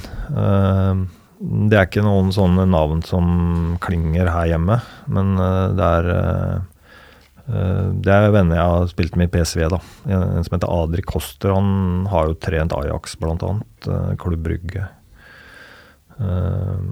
Og en annen, en som heter Michel Falke, som er analysesjef i Feinor nå. Ja. Så de, de har jeg fremdeles kontakt med, og de besøkte jeg nå forrige uke òg. Ja. Så ellers så snakker jeg jo med kollegaer, da. Altså i Tvente f.eks. Uh, og i PSV, selvsagt. Ja. For du har fortsatt et godt forhold til Tvente som klubb, Ja, selv om du, ja, veldig. du sa du ville gå. Veldig. Ja. Uh, altså jeg jobba jo der, der som speider i, Mm. i fire år. Da, da Tvente ble mestere, faktisk, mot alle odds, med McLaren som eh, hovedtrener. Stemmer det. Da var jeg speider der. Riktig. Eh, eh, det må vi, for det er det også kommet til et lyttespørsmål om um, jeg finner Men da dem. spør jeg eh, om noe annet så lenge. Ja. Eh, og det er mulig jeg foregriper uh, historiefortellinga til Martin her nå, men eh, du blir altså i PSV til 88. Du har din siste landskamp i 87. og Da er du bare 30 år gammel. Hva, hva skjer der? Hvorfor Du fikk jo 50 landskamper, da. Det er jo meget bra. Det, da er det klokke og greier, da, men eh, hva, hva, hva er grunnen til at det ikke ble flere? Altså, jeg må rette, rette litt på det. Ja, Klokka får du 25. 25. ja 25, ja. Det stemmer. Men det er Ja, den der 50 Får du noe på 50, ja? Nei, jo, du Fat. fikk noe fat. Ja, fat er det på 50, Ja, stemmer det. ja, ja. Det er sånn der. er. Ja, Så det burde vært omvendt. ja egentlig. Jeg er Enig. enig med deg i det. Ja. Nei, Eh, men, ja, Hvorfor ble det ikke flere? nei, altså da ble jeg jo skada. Ja. den siste sesongen der, da, eh, 88 88-sesongen, var jeg jo skada nesten hele tida. ja, nettopp. Og etter den eh, landskampen nærmest, så Ja, jeg spilte vel så vidt noen kamper for PSV, så vidt. Mm. Kom inn noen, men det ble aldri bra i kneet. Eh, ja. Så det var jo grunnen til at den siste sesongen ble veldig laber. Så det var egentlig en skade som satt stoppe for toppspillerkarrieren? Ja, men det var ikke derfor jeg hadde bestemt meg for å reise hjem. Nei. Eh, For det hadde jeg bestemt meg for på forhånd. Mm. Jeg ga beskjed et år på forhånd i Eindhoven om det. For da jeg hadde lyst til å flytte hjem og hadde lyst til å få med meg norsk fotball litt òg. Mm, mm. Og jeg, jeg falt litt for kan du si, planen og ideene til Frigg, da. Mm. Eh, men For så ble, så ble jeg skada etter det. Mm. I, i oppkjøringa da, til eh, den store sesongen. Mm. Og i 87-88. eh, da ble jeg skada jumpers knee. Ja, nettopp. Og den gang så var ikke behandlingsformen eh, særlig skånsom. Det var operasjon og seks måneder i gips. Å, fytti. Var liksom, det var alternativet. Mm. Så jeg prøvde jo på forskjellige andre måter å bli bra, men ble aldri det. Jeg ble operert etter hvert når jeg kom hjem. Og da hadde de funnet ut at det med gips kanskje ikke var så smart. Så jeg slapp det, og, og, og blei helt bra, egentlig. Ja. Men, men da hadde det gått to-tre år. Og da fikk jeg, når jeg kom i gang med full trening igjen da, så fikk jeg masse sånn sekundærskadeproblemer, muskelbrist og helt ut, ut av det blå, liksom. Mm. Eh, Så det, det var det til slutt som satte en, en stopper, da. Eh, nå fant jeg det jeg skulle eh, stille spørsmål for jeg nevnte også introen her. Du har vel hatt en av de mest stabile bartene, kanskje, i norsk fotball. Eh, når, når tok han Benjamin Sears lurer på når tok han valget om at han er en mann med bart? Ja, det må jo ha vært sånn 17-18 år, tenker jeg. Mm. Mm. Men jeg har jo tatt barten eh, et par ganger, da. For å, altså, både i Brann, husker jeg, når vi måtte vinne, så var, har jeg prøvd alt. Så sa jeg hvis jeg vinner nå, så tar jeg barten. Og da vant vi. Ja. Og da gikk barten. Og det samme i Odd. ja. Og da vant vi. Det er liksom det siste ermet du har. Siste, ja. Ja, for det, det er litt uh, overtro i fotballen. Du, har- du har følt på det, du òg? Ja, ja, jeg har ikke det. Så det var jo bare en sånn Gimmick. flåsete gimmick, egentlig. Men uh, om, det, om, om det har hatt noe å si, det tviler jeg på. Men, uh, men det er i hvert fall fakta. fakta. Blir morsomme historier, da. Men kom det av at du, du dro ut med tidlig Altså, du dro ut tidlig, var en ung mann når du kom ned dit. Kom det av at du ville vise at ok, du er en eh, voksen, voksen mann blitt? Jeg husker ikke. Nei. Det husker jeg ikke. Nei. Um, tilbake til 81. Eh, eh, Norge-England på Ullevål. Eh, så scorer du eh, Er det ikke Er det ikke 2-1 der etter, eh, etter 40 igjen, eller noe sånt? Bjørge Lillien sier. Jo, Par og er- 40 eller noe sånt? Det er i hvert fall første omgang. Og da er han tidlig ute med å si at dette er, en verdens, dette er verdens historie, og da er vi ikke ferdig med første omgang ennå. Men, men det endte jo som vi slo England på Ullevål. Ullevål kokte, eh, som Lillelin sa. Du har sjøl sagt at Ullevål var helt fantastisk på den tida. Og det var jo, da var jo ikke Ullevål sånn som den var nå. Nei, den var jo svære klokkesvinger og løpebaner og alt mulig. Men akkurat den kampen der var Ja, generelt òg, men akkurat den kampen der var helt spesiell. Da. Bare, det var bare kokte overalt. Gikk ikke an å snakke sammen ute på banen uten å Helt oppi øret på hverandre, liksom. Det var så elektrisk stemning. eh, At det, det har jeg ikke Akkurat den type stemning har jeg ikke vært med på Nei. før eller siden. Men ehm, da møtte vi Vi, vi snakka litt om, om eh, før vi gikk inn i studio, at, eh, at eh, europeisk fotball på den tida, EM f.eks., var var, var det da det var vanskelig å komme seg til EM? Var nest, altså var det, hvor mange lag var det som kom seg til EM, f.eks.? Det var åtte Ja. lag som gikk til EM-sluttspill. ja. Og Norge-England var i VM eller EM-kvaliken? Det var vel VM-kvaliken. VM Ja. før 82. Stemmer. Ja. Men, men eh, altså maktforholdet, størrelsesforholdet Norge-England på den tida ja, det var jo enormt. Ja. Eh, I, i tillegg, altså, det var jo enormt rent sportslig. Og i tillegg eh, liksom den heltestatusen som engelske spillere kanskje gått over det de egentlig burde hatt, Mm. en, gjorde dette enda større, da. Så vi spilte jo mot liksom heltene. Mm. Til både publikum og, og oss, egentlig. Og det var jo til å begynne med flere som holdt med England enn Norge i den kampen. Å ja. Tippekampen, vet du. Det var ikke så mye passe. annet på TV. Nei, det var tippekampen. Da. Så Er det litt som å se når liksom Barcelona kommer hit og spiller mot Vålerenga, at det er mest Barcelona-fans på Ja. ja, det var nesten sånn til å begynne med, men så var jo ikke, stakk jo ikke det så dypt, da. Når, når man skjønte hva som kanskje var i ferd med å skje. Men det laget der med mm, Det er spillere med, som Einar Aas, Åge Hareide, Anders Giske, Tom Lund, ikke minst. Deg sjøl. vi kom oss ikke til sluttspill. Ja, Økland var med. Økland, selvfølgelig. Altså, ja, det er jo, du kan nevne hele det laget, for Ja, så vidt. ja, du? egentlig, ja. Nei, men altså, du kan si vi, vi hadde jo en del bra spillere, men vi hadde ikke nok bra spillere. Nei. Så det var bredden, da. Ja, altså du kan si Tore Antonsen i mål han var- kjempebra keeper, og den kampen sto han jo helt suverent. Men han måtte på jobb klokka sju dagen etterpå. Det er Ikke sant? Og, så da Han slått nytta- England. Ja. Da er det ikke så lett å Det eksempelvis, da. Eh, og sånn hadde sikkert en del andre av de spillerne som spilte i Norge det. Eh, og da er det vanskelig å holde høyt nivå over tid. Eh, og, og hele å, og, kan du si, og, øh, vinterhalvåret var jo så som så med baneforhold, og, og det ble sikkert trent mye, men, men ikke fotball. Ordentlig, i hvert fall. Og grus. Grus, Grus og snø. Ja. Ja, jeg har jo trent på snøbaner og i, med ispigger og, og det, før jeg dro til Nederland. Ja. Eh, Så det, det var ikke nok eh, nivå på nok spillere. Stabilt over tid Nei. til at vi kunne ta en stunt på en sånn kvalik. Så vi hadde var perioder hvor vi var gode, og så mangla vi kanskje et par nøkkelspillere, og så da gikk vi på et tap. Ja. Men du har vel vært med å kvalifisere deg til et mesterskap som du ikke fikk lov å spille?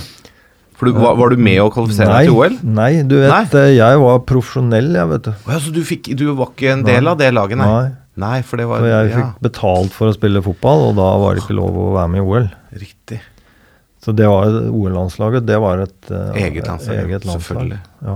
For det var i 80, den boikotten Ja. i Moskva var. ja. Mm. Jeg lurer på hvor bittert det har vært for de spillerne som hadde mulighet til å være med der. Ja.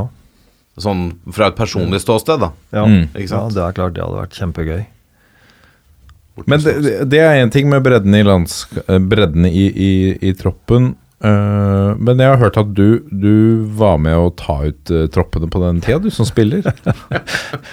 Nei, det Nei. Det, det, kan godt hende du har hørt det, altså, men uh, det, det stemmer ikke. At du ble tatt med på råd. Ja, jeg blei tatt med på råd av Tor, Tor Øste inn mot laguttaket. Han, jeg var alltid innom Tor dagen før kamp, og vi diskuterte litt. eh, altså, kanskje først og fremst min egen rolle og taktikk i forhold til motstander, og, og hvem som kan passe best inn i det bildet, da. Eh, men, men det var jo Tore som selvfølgelig eh, har eh, les, lest opp laget og bestemte hvem som til slutt hvem som skulle spille. Ja. Men han tok meg alltid på råd, eller Ja. på samtale. Ja. Fordi du var den største stjerna da? Ja, altså Det er vel fordi jeg var en viktig spiller i laget, da. Ja. Eh, og, og en del avhenger jo av at de, du får gode spillere til å fungere. Mm. Hvorfor fikk du aldri lurt med deg Tom Lund da, til Nederland? Nei, det, det var Ajax, det, vet du. Ja. Det er fienden. Ja, ja, ja. Og så da er vel eh, Tom Lund var vel ikke sånn kjempeglad i eh, reising? Nei, det kan jo stemme, ja. Nei, han ville ikke fly. Nei. Mm. Um, du har nevnt uh, selv om du tok ut troppene, har vi konkludert med her. uh, uh, så var det også en interessant affære å dra på bortebane med landslaget på den tida. Eh, det kunne komme litt forskjellige, altså litt pussige dommeravgjørelser. Ja, altså Det, det, det gjorde det definitivt. Eh, vi er blitt dømt bort flere ganger på bortebane. Og det er ikke bare deg som sutrer. Nei. Nei. Særlig, særlig Øst-Europa. Ja. Det var veldig tydelig. Det, det er snakk om offside, eh, generelt frispark overalt. eh, annullering av mål, straffer. Eh, er, hvis jeg hadde gått tilbake og sett på dette, så er det mange tilfeller av det. Og det føler, du føler det med en gang. At eh, det er noe som ligger der som ikke ikke skal være der. Eh, om det er bevisst eller ikke fra dommerens side, det er jo har jo ikke jeg noe formening om, egentlig. Men, men at de var under et press for å, å dømme riktig Mm. i forhold til hjemme, hjemmelaget, det, det føler du ganske tydelig. Mm.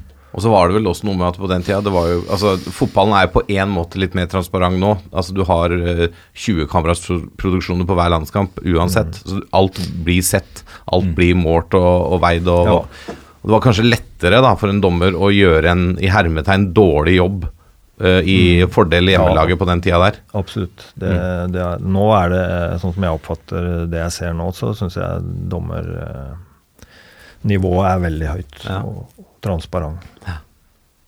Men, men, men en tredje faktor er at, eh, at eh, det var ikke gitt at du fikk fri fra klubblaget for å, for å spille på landslaget. Nei, det var jo heller ikke internasjonale datoer som det er nå, da. Eh, slik at uh, jeg har i hvert fall én kamp hjemme mot Sveits som jeg uh, måtte velge seriekamp mot Feyenoord i Eindhoven Ja. på samme tidspunkt. Hvordan var det for deg da? Eller hvor viktig var liksom Nei, landslaget? det var veldig vanskelig valg, selvfølgelig. Ja. Uh, kjempevanskelig. Så var jeg jo Jeg var kaptein i PSV. Vi ligger i toppen av serien og møter en av de hardeste konkurrentene. Og så var det en eh, VM- eller EM-kvalik, VM tror jeg faktisk, mot Sveits hjemme, som også er avgjørende. Så, men jeg, jeg valgte jo den profesjonelle varianten, da. At, uh, hvem er som betaler regningene? Ja. ja. Men det ser du jo av og til i dag òg. Ja, kanskje mer på sånn men du, Sør-Amerika-mesterskap du og ser det jo i Norge og på Spesielt på treningskamper, da selvfølgelig. På, på sånne typer landslagskamper. Det er jo alltid en haug med forfall, og så spiller de både serien før og etter landslagspausen. Eller seriepausen, som vi har valgt å kalle det her. Eh, men du ser det jo også på, på viktige kamper òg, at det er spillere som spiller den siste kampen før samling, og så er de på banen igjen neste kamp eh, i seriespillet. Og det, men det er jo klart, det er jo de som betaler lønna, da, til syvende og sist. Så jeg har jo på et eller annet nivå for, forståelse for det. Men eh, Ja. som glad i landslaget, så vil man jo ha de beste der hver gang. ja. Selvfølgelig. Um, EM, eh, um, som vi nevnte, EM er, eh, har jo blitt Har jo forandra seg veldig. Da var det åtte nasjoner. Nå er det 100. Er det ikke 32, da? Ja, Ja. jeg tror jeg 32. Ja. Ja, Hvordan er syns du halve Europa, det. ja, hva syns du om det, da? Nei, jeg tror det er bra. Uh, det, jeg syns det ser ut som om du er nummer 32 eller nummer 16, da, som det har vært noen år. Det er like stor entusiasme i de landene. Og kampene lever jo veldig Det er jo bra eller Nivået nå er jo mye jevnere rundt omkring. Eh, Det vil si at de dårlige lagene har blitt mye bedre, og de beste lagene har kanskje blitt litt bedre. Så nivået er mye jevnere. Så der er jo Island kan jo slå England, liksom. Mm. Uh, og det, da, da lever jo fremdeles de kampene, og da, da er det relevant. Da er det veldig bra. Og bra for entusiasmen og interessen. Ja, og interesse for fotball over eh, hele fjøla og hele Europa. Etter PSV så dro du hjem, det nevnte du i stad, og spilte og skulle spille med Frigg. Um, som lå i eh, altså datidens annendivisjon, nå altså nest øverste nivå. Hva, øh, var ikke det en veldig sånn øh, rar ting at en av de største liksom, spillerne vi hadde på akkurat den tida, skulle spille på nest øverste nivå i Norge? Jo, det var det sikkert. Eh, nå var jo Frigg, satsa jo Frigg voldsomt, og hadde jo f.eks. en spillerstall som var eh, på nivå 1 kvalitet. Ja. Eh, de hadde jo veldig utur med flere ting, bl.a. at jeg ble skada. snapperen, som du sikkert husker, han brakk beinet også den, foran den sesongen. Ja. Så de hadde jo utur med Hørtes som snapperen var en type som øh, oss to, i hvert fall. da. Ja. Eh, og, så, og så var det vel med nød og neppe man eh, ikke rykka opp. ja. Så hadde man lykkes der, da, hadde vi to spilt vanlig f.eks., så hadde laget blitt antageligvis noe bedre og fått tatt flere poeng og rykka opp. Og da hadde jo en generert eh, videre drift av klubben. Da. Så de hadde litt utur med, med den der, altså. ja. Og da var øh, Røste Fossen var trener? Ja, Tor Røste var jo trener. Så tidligere landslagstreneren Ja. og en haug av, av kvalitet. Ja, da Bent Skammelsrud var der. Ja, eh, riktig. Krogsæter, Yes. Arve Svorkmo Ja, det var, det var mange. Det var flere gode der, altså. Mange gode der. Hvor tett følger du Frigg nå, da? Nå opprykk Nei, og det, det er ikke tett. Det Nei. er det ikke. Nei. Hva tenker du om opprykket nå til, til PostNord? Ja, det, altså, Frigg, de, det, er jo, det er jo en fotballsjel i klubben. Mm. Eh, jeg var litt der eh, når jeg drev med dette Telenor Extra-prosjektet for Fotballforbundet, og da merker du merker når du kommer inn i en klubb om, om det er fotballkultur der. Og det er det i Frigg. Så, de, men de har jo ikke ressurser og vil vel heller ikke satse nå for liksom å nå store, gamle høyder. Så de ville heller være en kvalitetsklubb for, på det nivået der, da. Og, og det tror jeg de har veldig gode forutsetninger for. Ja. Utvikle unge spillere og, og gi kanskje de spillere som ikke slår igjennom helt i toppen med en gang, gi de en mulighet til å altså, bli eh, late bloomers. Ja. Hvem er um, Hvem er den ehm, beste du har spilt med? Da må jeg si eh, Jeg har to navn på blokka. Eh, den som sånn individuelt sett er best, er nok eh, Ruud Gullit. Ja. Men den jeg hadde sjøl mest connection med, liksom, sånn som jeg spilte best sammen med, og som også er en, en eh, meget bra spiller som dere kjenner, er Arnold Myhren. Manchester United. Ja, stemmer. FC Tvente Ja. fra den tida. Han, eh, han hadde et blikk og en venstrefot som var bare helt fantastisk. Som, eh, og han forsto egentlig hvor, hvor, han jeg ville, hvor jeg ville ha ballen, og han klarte å legge den der. Så han har jo mange mål å takke for. Ja. Um, Den beste du har spilt mot, da? Nei, det er Maradona. Ja. Altså, det er Maradona er nummer én og Cruyff uh, nummer to. Ja. Begge de har jeg spilt mot. Hvordan var eh, altså Maradona? Hvilket år var det da? Det var jo før eh, 86-VM. Ja. Et ikke ubetydelig mesterskap for den mannen. Ja. Mm. treningskampen på Ullevål der, ja. ja.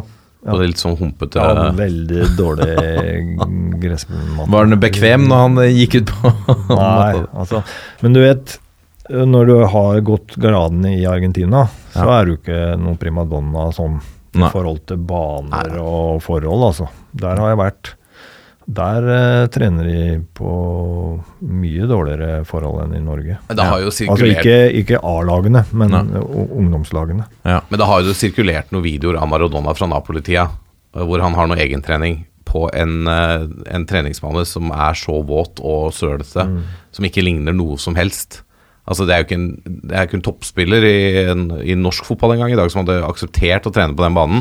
Og der fløy Maradona rundt og happa og skåret mål fra alle vinkler. ikke sant? Han, Ja. han var, spilte fotball, han. Ja. Så, og han var jo en superstjerne før det VM-et i 86 òg, selv om det på en måte forsegla alt med, med å bli verdensmester og alt. Men ja. da han kom til Ullevål den, eh, den våren, da, så var han jo, han var jo verdens største fotballspiller. Ja, ja. ja. Og enorm. ja. Altså det som er uni altså For det første hadde jo unike ferdigheter. Han trolla jo med venstrebeinet. Mm. Uh, I tillegg så hadde han en sånn påvirkning på laget sitt. da. At et middelmådig, er vel riktig å si, uh, Argentina ble verdensmestere, altså. Mm. Og han, eh, Napoli, for ikke å snakke om det, Mm. uh, tok han jo til mesterskap. Så den derre auraen rundt han som får andre til å prestere bedre, da, den er jo helt unik. Ja. Cruyff hadde jo det samme. ja. Men han ja, fikk jo ikke den endelige VM-tittelen. Nei. Det er, store, det er store navn Det er store navn. Ja. på den rekka der. Hvis du øh, Nei, vent, ta den først. Jeg, jeg leste intervjuet du gjorde med Svea i VG, eh, eh, du, du tok litt hardt i og skulle profesjonalisere Brann i 93. Kan du fortelle litt om det? ja, det er min egen analyse litt, egentlig. Uh, jeg, jeg tror det. Det ble for mange ting som ble nytt og skulle endres på, da. Og gikk på disiplin og Men du kan si Jeg måtte jo innføre røykeforbud i kantina, hvor vi satt og spiste etter trening. Og det, og det måtte jeg jo nesten gjøre. Altså Kontroversielt. det blei det. Det var det. Uh, og så var det var, det var sikkert flere ting òg som, eh, som jeg ikke likte. For jeg, jeg altså Den nederlandske eh, kulturen er ganske disiplinert. Mm. Jeg var vant til det. Eh, mm, en del av de tinga som var selvfølge for meg, som jeg nesten ikke tenkte over, det, det ble en sånn uh, det ble en stor ting her hjemme, da. Ja.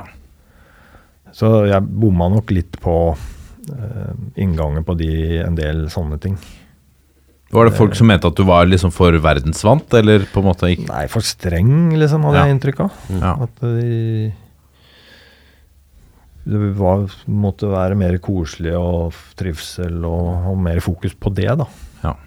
Enn på liksom å jobbe hardt og være forberedt til trening. Uh, ha felles uh, regler. Mm. Det- blei det ble mye, sikkert for mye. Hva var noen eksempler på andre ting du gjorde? Jeg leste noe om noen mørke dresser og noe Nei, altså, vi, ja, vi hadde dresser. Ja. Mm, Reiste i dresser. Eh, Var det nytt på den tida? Ja, altså, no, det var jo egentlig ikke det, men vi brukte det kanskje litt mer enn andre. Ja. Uh, og det var jo mange som ikke var vant til og mm, ikke klarte å tilpasse seg, da. Ja. Så vi slutta jo med det på et tidspunkt, for jeg, det blei jo hovedfokus, liksom, om vi hadde dress. Ikke hvordan vi hadde spilt, men om vi hadde hatt dress eller ikke. Så en gang jeg ikke hadde dress, så blei det, så ble det hovedfokus, da. Ja. I media blant annet, med Bergensavisene er jo ivrig. ja. Ja, de er på godt og vondt, si. Ja. Men nå, ø, nå er det noen år siden du har vært ø, hovedtrener, da. Men Savner du treneryrket, eller er du veldig happy med den rollen i fotballen du har nå? Ja, jeg, jeg savner ikke treneryrket i det hele tatt. Jeg, jeg, det var et bevisst valg eh, jeg tok da jeg slutta som U21-trener. Mm. Eh, Da følte jeg liksom at eh, Nei, det var, det var Jeg hadde ikke den motivasjonen lenger. For det, det må du ha. Mm. For den er, eh, det er ganske krevende rolle. Eh, Du må liksom brenne for det voldsomt. Mm. Eh, Og det, det følte jeg ikke jeg hadde lenger. Eh, Så, så det valget tok jeg da. Eh, Så har jeg drevet med litt forskjellige andre ting og, som er veldig interessant. Og spillerutvikling, eh, hvorav scouting er en del av det, det, det syns jeg er veldig, veldig interessant. Og nå, nå som jeg jobber i, i en sånn struktur som det er i, i PCV, så er det som du er del av team, og du, du, du har forventninger på deg, og du har leveranser du må komme med, og, og du, du blir på en måte hørt. Det, det er veldig spennende. Spennende jobb. Veldig. Hvis du var fotballdiktator for en dag, kunne presse gjennom én endring, eh, hva ville du gjort da? I norsk fotball? Norsk fotball. Du på? Vi er bare opptatt av norsk fotball. Ja. jo, da hadde jeg eh, rett og slett eh, bestemt at det skulle være ti lag i Eliteserien. Ja, det ville redusert, ja. Ja. Tenker du det er en del, en viktig grunn til at nivået er lavere? ja. Men Skulle de da spilt møttes tre ganger, da? For Ja. å få nok kamper? Ja. Eller fire? 40? Ja. Eller, Ja, ja, nei, det- det blir litt mye, kanskje. kanskje. Og, og noe sluttspill og det, Ja. det er ikke vanskelig å finne modeller som er interessante, Nei. hvor du får eh, gode kamper hele tida. Du, får- du får de beste spillerne på færre miljøer, Mm. som nødvendigvis gir høyere nivå. Og Ja. det, det går ikke an å unngå. Ja. Eh, og så vet jeg at det er eh, kontroversielt i forhold til mange klubber som da ikke har muligheten til å rykke opp til uh, Eliteserien. Men da er spørsmålet hvem skal du ta hensyn til? Og da snakker vi om hvis vi, vi hever nivået i Norge. Mm. Uh, og få det opp på et bedre internasjonalt nivå, lagene våre. Ja. Og, og derigjennom spillerutviklinga. Ja. Fordi de ti, la oss si, de ti hubene her, da, som uh, største lagene som klarer å kvalifisere seg til Eliteserien, de, der vil jo komme mer ressurser til å- spilleutvikling på akademinivå, scouting. Mm. Så får, du får bedre miljøer, da. Jeg tror ikke det er ressurser i Norge til 16 toppmiljøer. Nei. Men vil du da kutte av i Obos òg, så det også var ti der? Så det blir mye tettere helt på de to øverste, og så spre det Ja. utover nedover? Ja, det har jeg ikke tenkt så mye over, egentlig. Men, eh, men det, det er kanskje en idé, det òg. Mm. For jeg, jeg tror at det, de som ligger Altså Strømmen og Grorud og de som ligger nederst og kjemper i Obos-gjørma Jeg tror ikke det er då- då- dårligere for dem. Det blir ikke noe mer interesse rundt dem hvis de ligger i toppen av nivå tre Nei, ikke sant? og, og vinner kamper og kanskje kan rykke opp. Mm. Jeg, jeg tror, tror det er eh, jeg, jeg tror man overdriver den betydninga at det skal være eliteseriefotball i alle hjørner eh, i Norges land. Jeg tror ikke den Jeg tror det blir like interessant i, på små steder å være en god klubb som vinner, enn en dårlig klubb som taper Mm, mm. og rykker ned og opp og ned og altså Men hvis jeg kan forsøke å arrestere deg litt der, da, for å bruke ditt eget poeng mot deg om EM, hvor EM er med på å booste interessene rundt Europa, uh, kontra da den varianten som man hadde da du da du, eh, eh, da du var aktiv på landslaget, hvor det var liksom mer sånn elitepreg. Tror du at, at Ja, én ting er med liksom nivået, men den liksom generelle interessen vil det ikke hjelpe Det er veldig ledende spørsmål. Men vil det ikke hjelpe på interessen i Norge at det er flere klubber som er, er med Nei, det på er det høyeste nivået? Jeg, jeg tror ikke det. Nei. Eh, jeg tror det er som sagt, det er like interessant eh, på strømmen å, å vinne kamper og ligge i toppen av, av Post Nord-ligaen. Som det er å Eller det er mer interessant. Mm. Og for den type klubber. Uh, og, å vinne kamper, være eh, Liksom kjempe mot noe du kan oppnå, istedenfor å unngå å rykke ned. Mm. For eksempel. Lokalmiljøet i fotball står jo veldig sterkt. Altså, Larvik-turen nå, for eksempel. Det er, jo masse, det er jo folk der som er veldig glad i klubben og eh, nivå fem. Mm. Så den, det er jo en annen klubbkultur eh, som, som jeg tror vil bestå. Ja. Eh, og, og kanskje til og med bli sterkere. ja. Men skal vi, skal vi få flere klubber og spillere på høyere nivå, så, så er ikke jeg i tvil om, om at eh, det må tøffere kamper til hele tida. Og det må mer ressurser i form av flere bedre spillere. Og sikkert også mer eh, penger. Men det går an. sånn Sveits gjorde jo dette for noen år siden. Mm. De har jo hatt en formidabel suksess. Eh, landslaget til Sveits er jo eh, med i VM og EM hele tiden. De vant eh, VM for U16 for noen år siden. VM. Eh, og de, de har vel ti lag, tror jeg. Og, og gjorde noe av det samme på nivå to, men der stimulerte de veldig med, med ressurser. og ga premiering for bruk av unge spillere og, og ja, laga en annen eh, struktur og, og setting rundt det nivå to-fotballen. Det er interessant, ja. Så det er mange stimulansemidler her som gjør at det, det nivået og det miljøet som da kanskje ikke er på nivå én lenger, men på nivå to, kan bli eh, bedre enn det er nå, faktisk. ja. Selv om du er på en annen tabell, da. Mm. Det er interessant. Um, vi har et fast spørsmål som vi stiller uh, før jeg skal stille det. Det handler om fire norske fotballstjerners middag. Så tenk, kom jeg til å tenke på uh, Har du fått noen sånne uh, invitasjoner? Har du blitt spurt om å være med på Skal vi danse eller Farmens kjendis eller Mesternes mester? Har det kommet mye sånne kreative hjemme hos-reportasjer eller Nei, jeg, jeg ble vel spurt om 'Mesternes mester' Ja. for noen år siden. Det er Nei, det var jo Eller, nei, vent litt. Jeg var det 'Fangene på fortet' eller noe? Ja. nei, nå er jeg ikke sikker. Men jeg skulle være borte i fire uker, ja. og det hadde jeg jo ikke tid til. Nei. Så det stoppa der. Ja. Eh, men nå har vi bedt deg om å sette opp din fire norske fotballstjerners middag. Ja, jeg så det. eh, hvor de inviterer eh, tre eh, andre nåværende eller tidligere fotballprofiler. Trenere, eksperter, ledere, journalister, hvem det måtte være. Felles er at de må være eh, norske.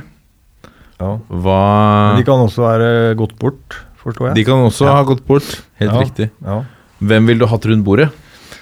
Jeg ville hatt eh, Vi kan jo begynne med det jeg antyder her. Jeg ville hatt eh, med meg Roger Albertsen. Ja. Det var en veldig god venn av meg. Han, eh, vi bodde jo på rommet alltid, på landslaget. Mm. Og han reiste ofte sammen fra Nederland og, og til kamper, da. Så For han spilte i altså, han spilte jo i Den Haag først, eh, og så var han jo innom Feinor. Stemmer. Og Vinterslag, Olympiakos. Han har en fin karriere, Roger. Mm.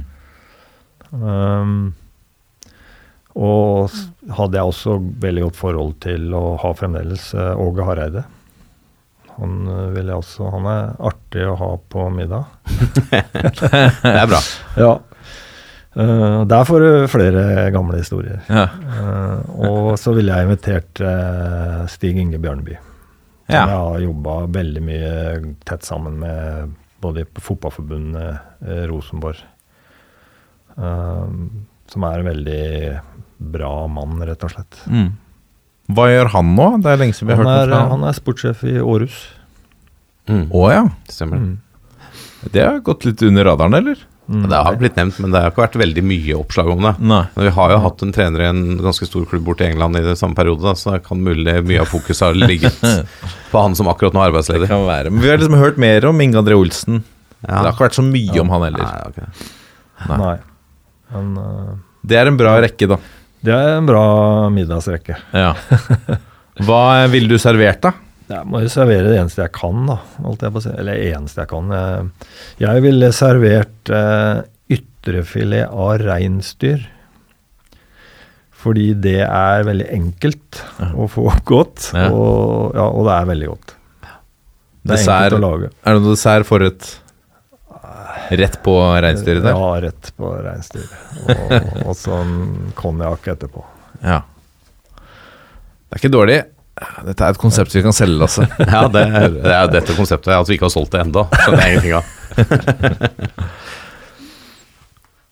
Og så er det duka for litt uh, lyttspørsmål. Da må vi ta med spørsmålet fra Nordlink86, som du sikkert har fortalt om 100 ganger, Halvard. Men 'Escape to Victory', filmen. Ja. ja.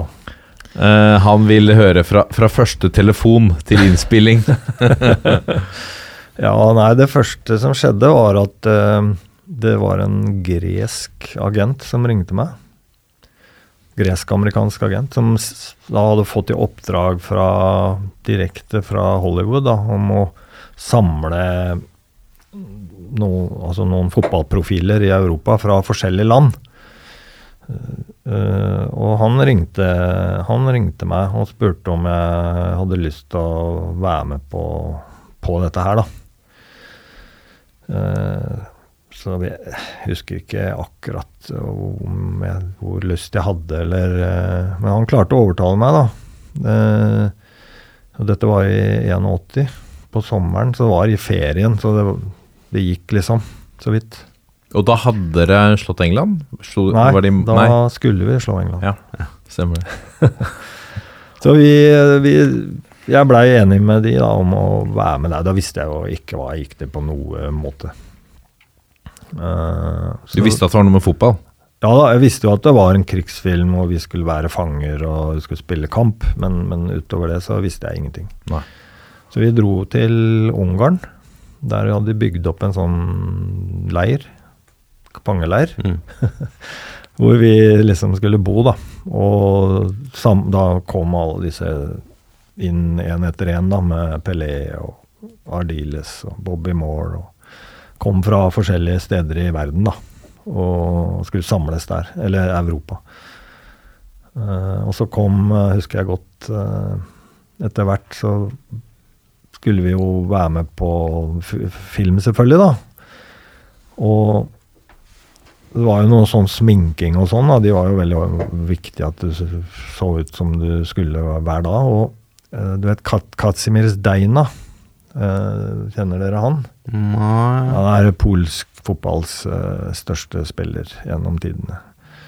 Var stor i, i VM i 74, blant annet. Han, han skulle være noe som de kaller for walking death.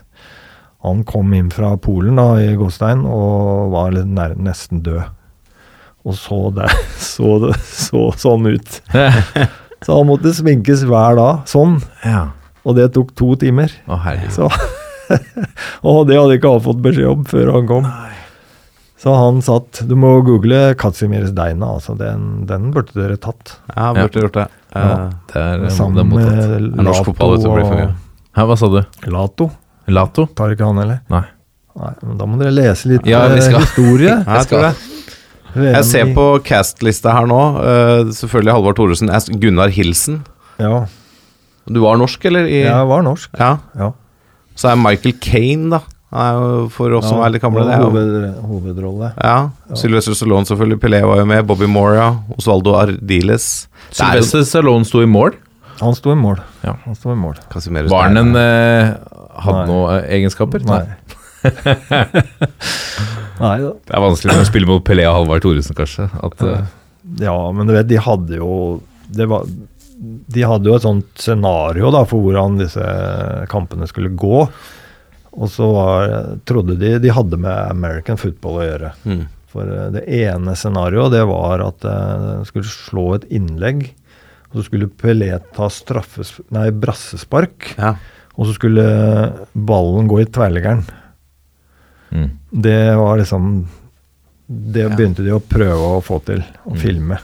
Det gikk jo ikke, selvfølgelig. da. Selv om Pelé var kanskje den beste i verden ever til å ta brassespark, så traff han jo ikke tverleggeren hver gang. Nei. Så han, han var jo brakk i ryggen nesten, han før de skjønte at det, Eller han sa fra at dette Hallo. Dette går jo ikke. For de tenkte han kaster ballen dit, tar han imot der, og så kommer det en rundt, og så Det var American football, Ja, ikke, sant? sant. Ja, ja. Så, så det gikk jo ikke. Det er mange år siden jeg har sett den filmen, altså, men jeg har sett den. Men jeg ser her at det var en del spillere fra Ipswich som Ja. var stand-ins. Ja, det vet jeg egentlig ikke hvorfor, uh, hvorfor de endte opp med alle de fra Ipswich. Nei, Kevin Beatty for Michael Kane og Paul Cooper for Sylvester Stallone står det her. Men det er klart, når jeg ja. ser bildene av Michael Kane i den drakta, så skjønner jeg jo at han kanskje ikke var eh, helt fotballfitt, da. Hvis det er lov å Å, si. Nei. Nei. Den var litt trang. Oh, ja, ok. Men de draktene var jo eh, eksepsjonelt vakre. De hvite Ja, draktene de- med blå og rød stripe. blå stripe. Mm. Se bortedrakta til Vålerenga i år. Er helt lik. Ja. Det er nydelig. Escape to victory. Ja, den må du bare se, altså. Snakka du noe med Pelé eller uh, Sylvester Stallone eller Stallone var en sånn eh, han, han gikk for seg sjøl. Ja. Han hadde egen campingvogn på settet der, og der gikk han og hvilte seg når ikke det var noe, noe å gjøre, da. Eh, men Pelé var jo vold, kjempesosial. Han var Mm. kjempehyggelig fyr. Prata med alle og var eksepsjonell menneske, liksom. Mm. Veldig bra. De og vi andre holdt jo mer sammen. Vi bodde jo på hotell sammen og spilte kort og ute og spiste og Så hadde hadde bra, bra miljø der. Jeg blei jo veldig godt kjent med Russell Osman. Som også spilte Norge-England-kampen. ja. Mm. Stopper i, i Ipswich. Så det ble noen en munter passiare der etter Ja. eh, Ja, han var med på byen i Oslo etter kampen. De var det, ja. Så hele England-jaget gikk ut Ja, etter de gikk ut eh, og Ja, de, de gjorde det. Ja, Sammen med dere? Ja, altså Russell Osman blei med, blei med meg. Ja. Uh, de andre tror jeg hadde sine egne greier. ja. Hvor lenge var du borte på innspilling? Hvor lenge holdt dere på? To uker. Det var ikke verre, nei. Nei, men det var Hvis det er fire hele, uker, så er det for mye. Ja, ja, ja, ja, ja, Det var ikke hele filmen, det. da Det var nei. bare akkurat det der som skulle skje rundt den kampen. De, de var jo der mye lenger med, Med alle, alle andre Ja, ja. ting, da. Fantastisk. Ja. Eh, det er noen som stiller meg et spørsmål om Kan du fortelle noe rundt prosessen med Pospek? Hvor nøye ble han skauta? Skauta? Sbynek Pospek. Ja. Nei, altså, han, eh, han ble jo kjøpt av Odd. Ja. Eh, jeg var og så han. Jeg så mye video. Jeg så en live, jeg så video. Eh, jeg snakka om eh, de relasjonene jeg hadde. Og du kan si det er jo der hele problemet men ligger, da. Når man ikke har ressurser til å gjøre den scouting-opplegget ordentlig. Mm. Og prosessen. Men han, han, altså, han var en god spiller. eh, men han slo ikke til ordentlig i Odd. Det gjorde han ikke. Nei. Det er noen her som spør om om Spynek Postbekk var riktig Postbekk. Altså antyda nesten at du tok feil spiller. Ja, det var riktig Postbekk. ja. Ja. Ja, Det har vel vært en sånn liten sånn vandrehistorie, det om at uh, det var egentlig en annen som man skulle ha henta, men det, da har vi avklart uh, Da har vi lagt den død, som det heter. Uh, det er, I forlengelsen, da, så er det jo um, Skal vi se her Morten Vagseth spør hans beste tre signeringer for Odd. Tipper Morten er glad i Odd. Hva sa du? Han lurer på hvilke dine tre beste signeringer for Odd var. Det er lenge, lenge siden det der, da. uh, 97, det. ja. Jeg må nesten se laget, for jeg kan uh, Ja, det skal, må vi klare å finne, eller? Altså, Morten Fevang eh, er jo i hvert fall en god uh, begynnelse. Ja, ikke sant? Jeg kan gå Kan ikke du finne laga, Lasse? Jeg jobber med saken. Og så kan jeg ta et spørsmål til. Og det er fra Lars Aksnes, som lurer på er han motstander eller tilhenger av kunstgress i Norge. Altså, jeg tror vi må, vi må innfinne oss med en kombinasjon. Eh, fordi at det er så mange steder hvor eh, det er umulig å holde Altså det er altfor ressurskrevende å holde naturgress bra nok. Mm. Men sånn ideelt sett så skulle jeg ønske at uh, eliteseriekampene da, gikk på naturgress. Og at eliteserielagene, de topp ti-lagene vi har snakka om, hadde ressurser til å, å ha både treninger og, og kamper hovedsakelig på naturgress. Det, det, det ville også vært en, en god greie inn mot et nivå, nivåhevning. Men, men jeg skjønner at det, det mange steder så er ikke det mulig i Norge. Nei. Og da er kunstgress et eh, mye bedre alternativ enn en veldig dårlig gress-grusbane. Ja. Hvis vi tar en uh, helt tilfeldig valgt kamp som dere vant 4-1 hjemme mot Harstad, med faktisk Per Ivar Staberg som dommer. Og han er altså fra Harstad-Malmefjorden, og han dømte Nei, det var nei, bortekamp mot Harstad, og Per Ivar dømte. Men dere vant, da. E- Erik Holtan i mål. eh, Torgeir Rugtvedt, Bård Borgersen, Knut Gøran Sem og Torjus Hansen i forsvar. Trond Soleng, Arne Sandstø, Bjørn Olav Heidenstrøm, Ar Tor Arne Sanderholt, Bengt Seternes og Ole Halvor Kolstad starta. James McGurthy, Ole Larsen og Frode Johnsen var innbyttere. Ja, det er vel ingen av de jeg har henta. Morten Fevang var, jeg jo i Odense og, og henta, Ja. rett og slett. Nesten fysisk. ja. Deila har du hatt på laget, ser jeg. Roger ja, Eng. Deil, ja, ja. Sanderholt var masse gode spillere der, altså. Bård Borgersen, ikke sant. Ja, Frode Bengt Seternes. Ja, Frode Bengt. Seternes, eh, selvfølgelig. Ja. Det er noen bra spillere her, da. Ja, det var det, altså. Eh, Magnus eh, Nei, den har vi tatt. eh, om Ja. Larviksfotballen. Um, Og nå rykka jo både Fram og Tur ned. Yes. Det er jo ekstra synd. Ja.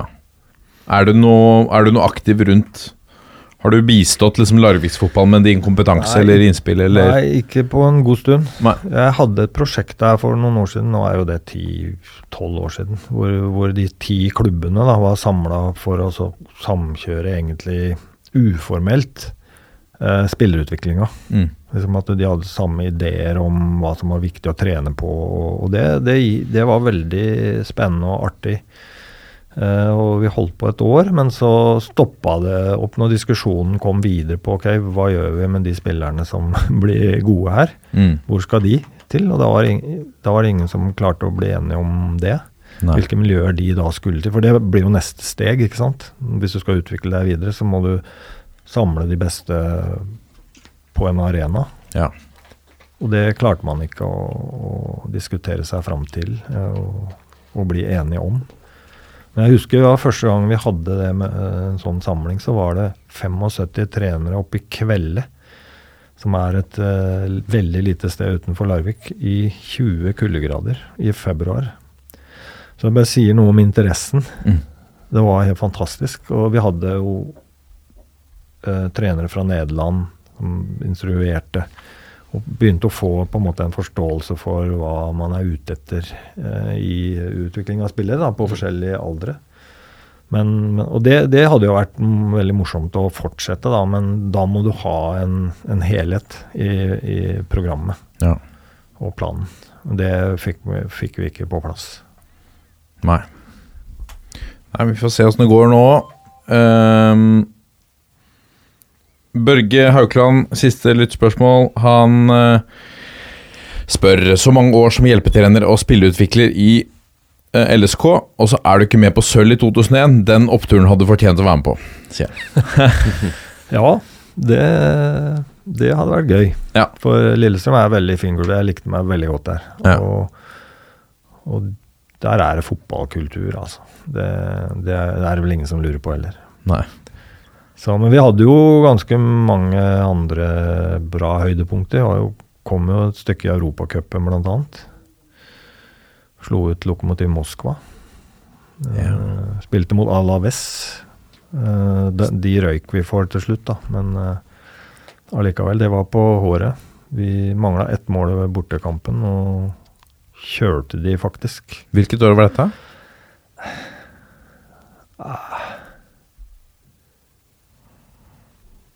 Ja, når var du i liksom? det var- Lillestrøm? 98 til 2000 var det det. Ja. Men jeg var der en periode til òg, etterpå. Ja. Som har falt utafor researchen. vært- Hm? Ja, som har falt utafor researchen her. Ja, ja, det kan være da. 2000 var dette. Europaliga, første runde. 2-2 på bortebane. Ja. Pål Strand og Espen Søgaard skåra for LSK. Mm. Mm. Emil Baron i mål. Ja. Fantastisk, Legende. fantastisk keeper. Ja. Ja. Det er synd han ikke forsto det. ja. Dan Eggen Godt nok. spilte på Alaves. Ja, riktig. Ja, ja. Alaves, ja. Jeg hadde middag med Dan Eggen der da jeg var og analyserte Alaves i forkant. Ja. Så Satt han ned og slo en prat med han du skulle møte? Etter spillere? kampen, ja. Ja. ja, det Vi snakka jo ikke om taktiske detaljer. Nei. Nei, vi, nå er vi Nå er vi kommet til veis ende, Halvard. Eh, Dette har vært, eh, vært, vært fantastisk å høre mer om. Vi skjønner at vi også har litt å gå hjem og lese på. Vi har fått litt lekser her og lese opp på litt historie. Det er viktig. Po polsk fotballhistorie. Ja. Fotballhistorie er viktig. Det er verdt å merke seg. Eh, tusen takk for at du kom. Det har vært eh, fantastisk å, å, å høre mer om karrieren og, og ikke minst innspillene dine og tankene dine rundt scouting. Eh, så ønsker vi deg masse lykke til med, med PSV. Eh, og så gleder vi oss til å se masse norske fotballspillere inn dørene i der. Ja, det hadde vært gøy. Det hadde vært moro. Vi er uh, Toppfotball på Facebook, Twitter og Instagram. Gå gjerne inn og legge ned rating også, eller send mail på toppfotball at 451.no. Så blir vi fornøyd, og så runder vi av på 1, 2, 3. Vi er en gjeng. Ha det!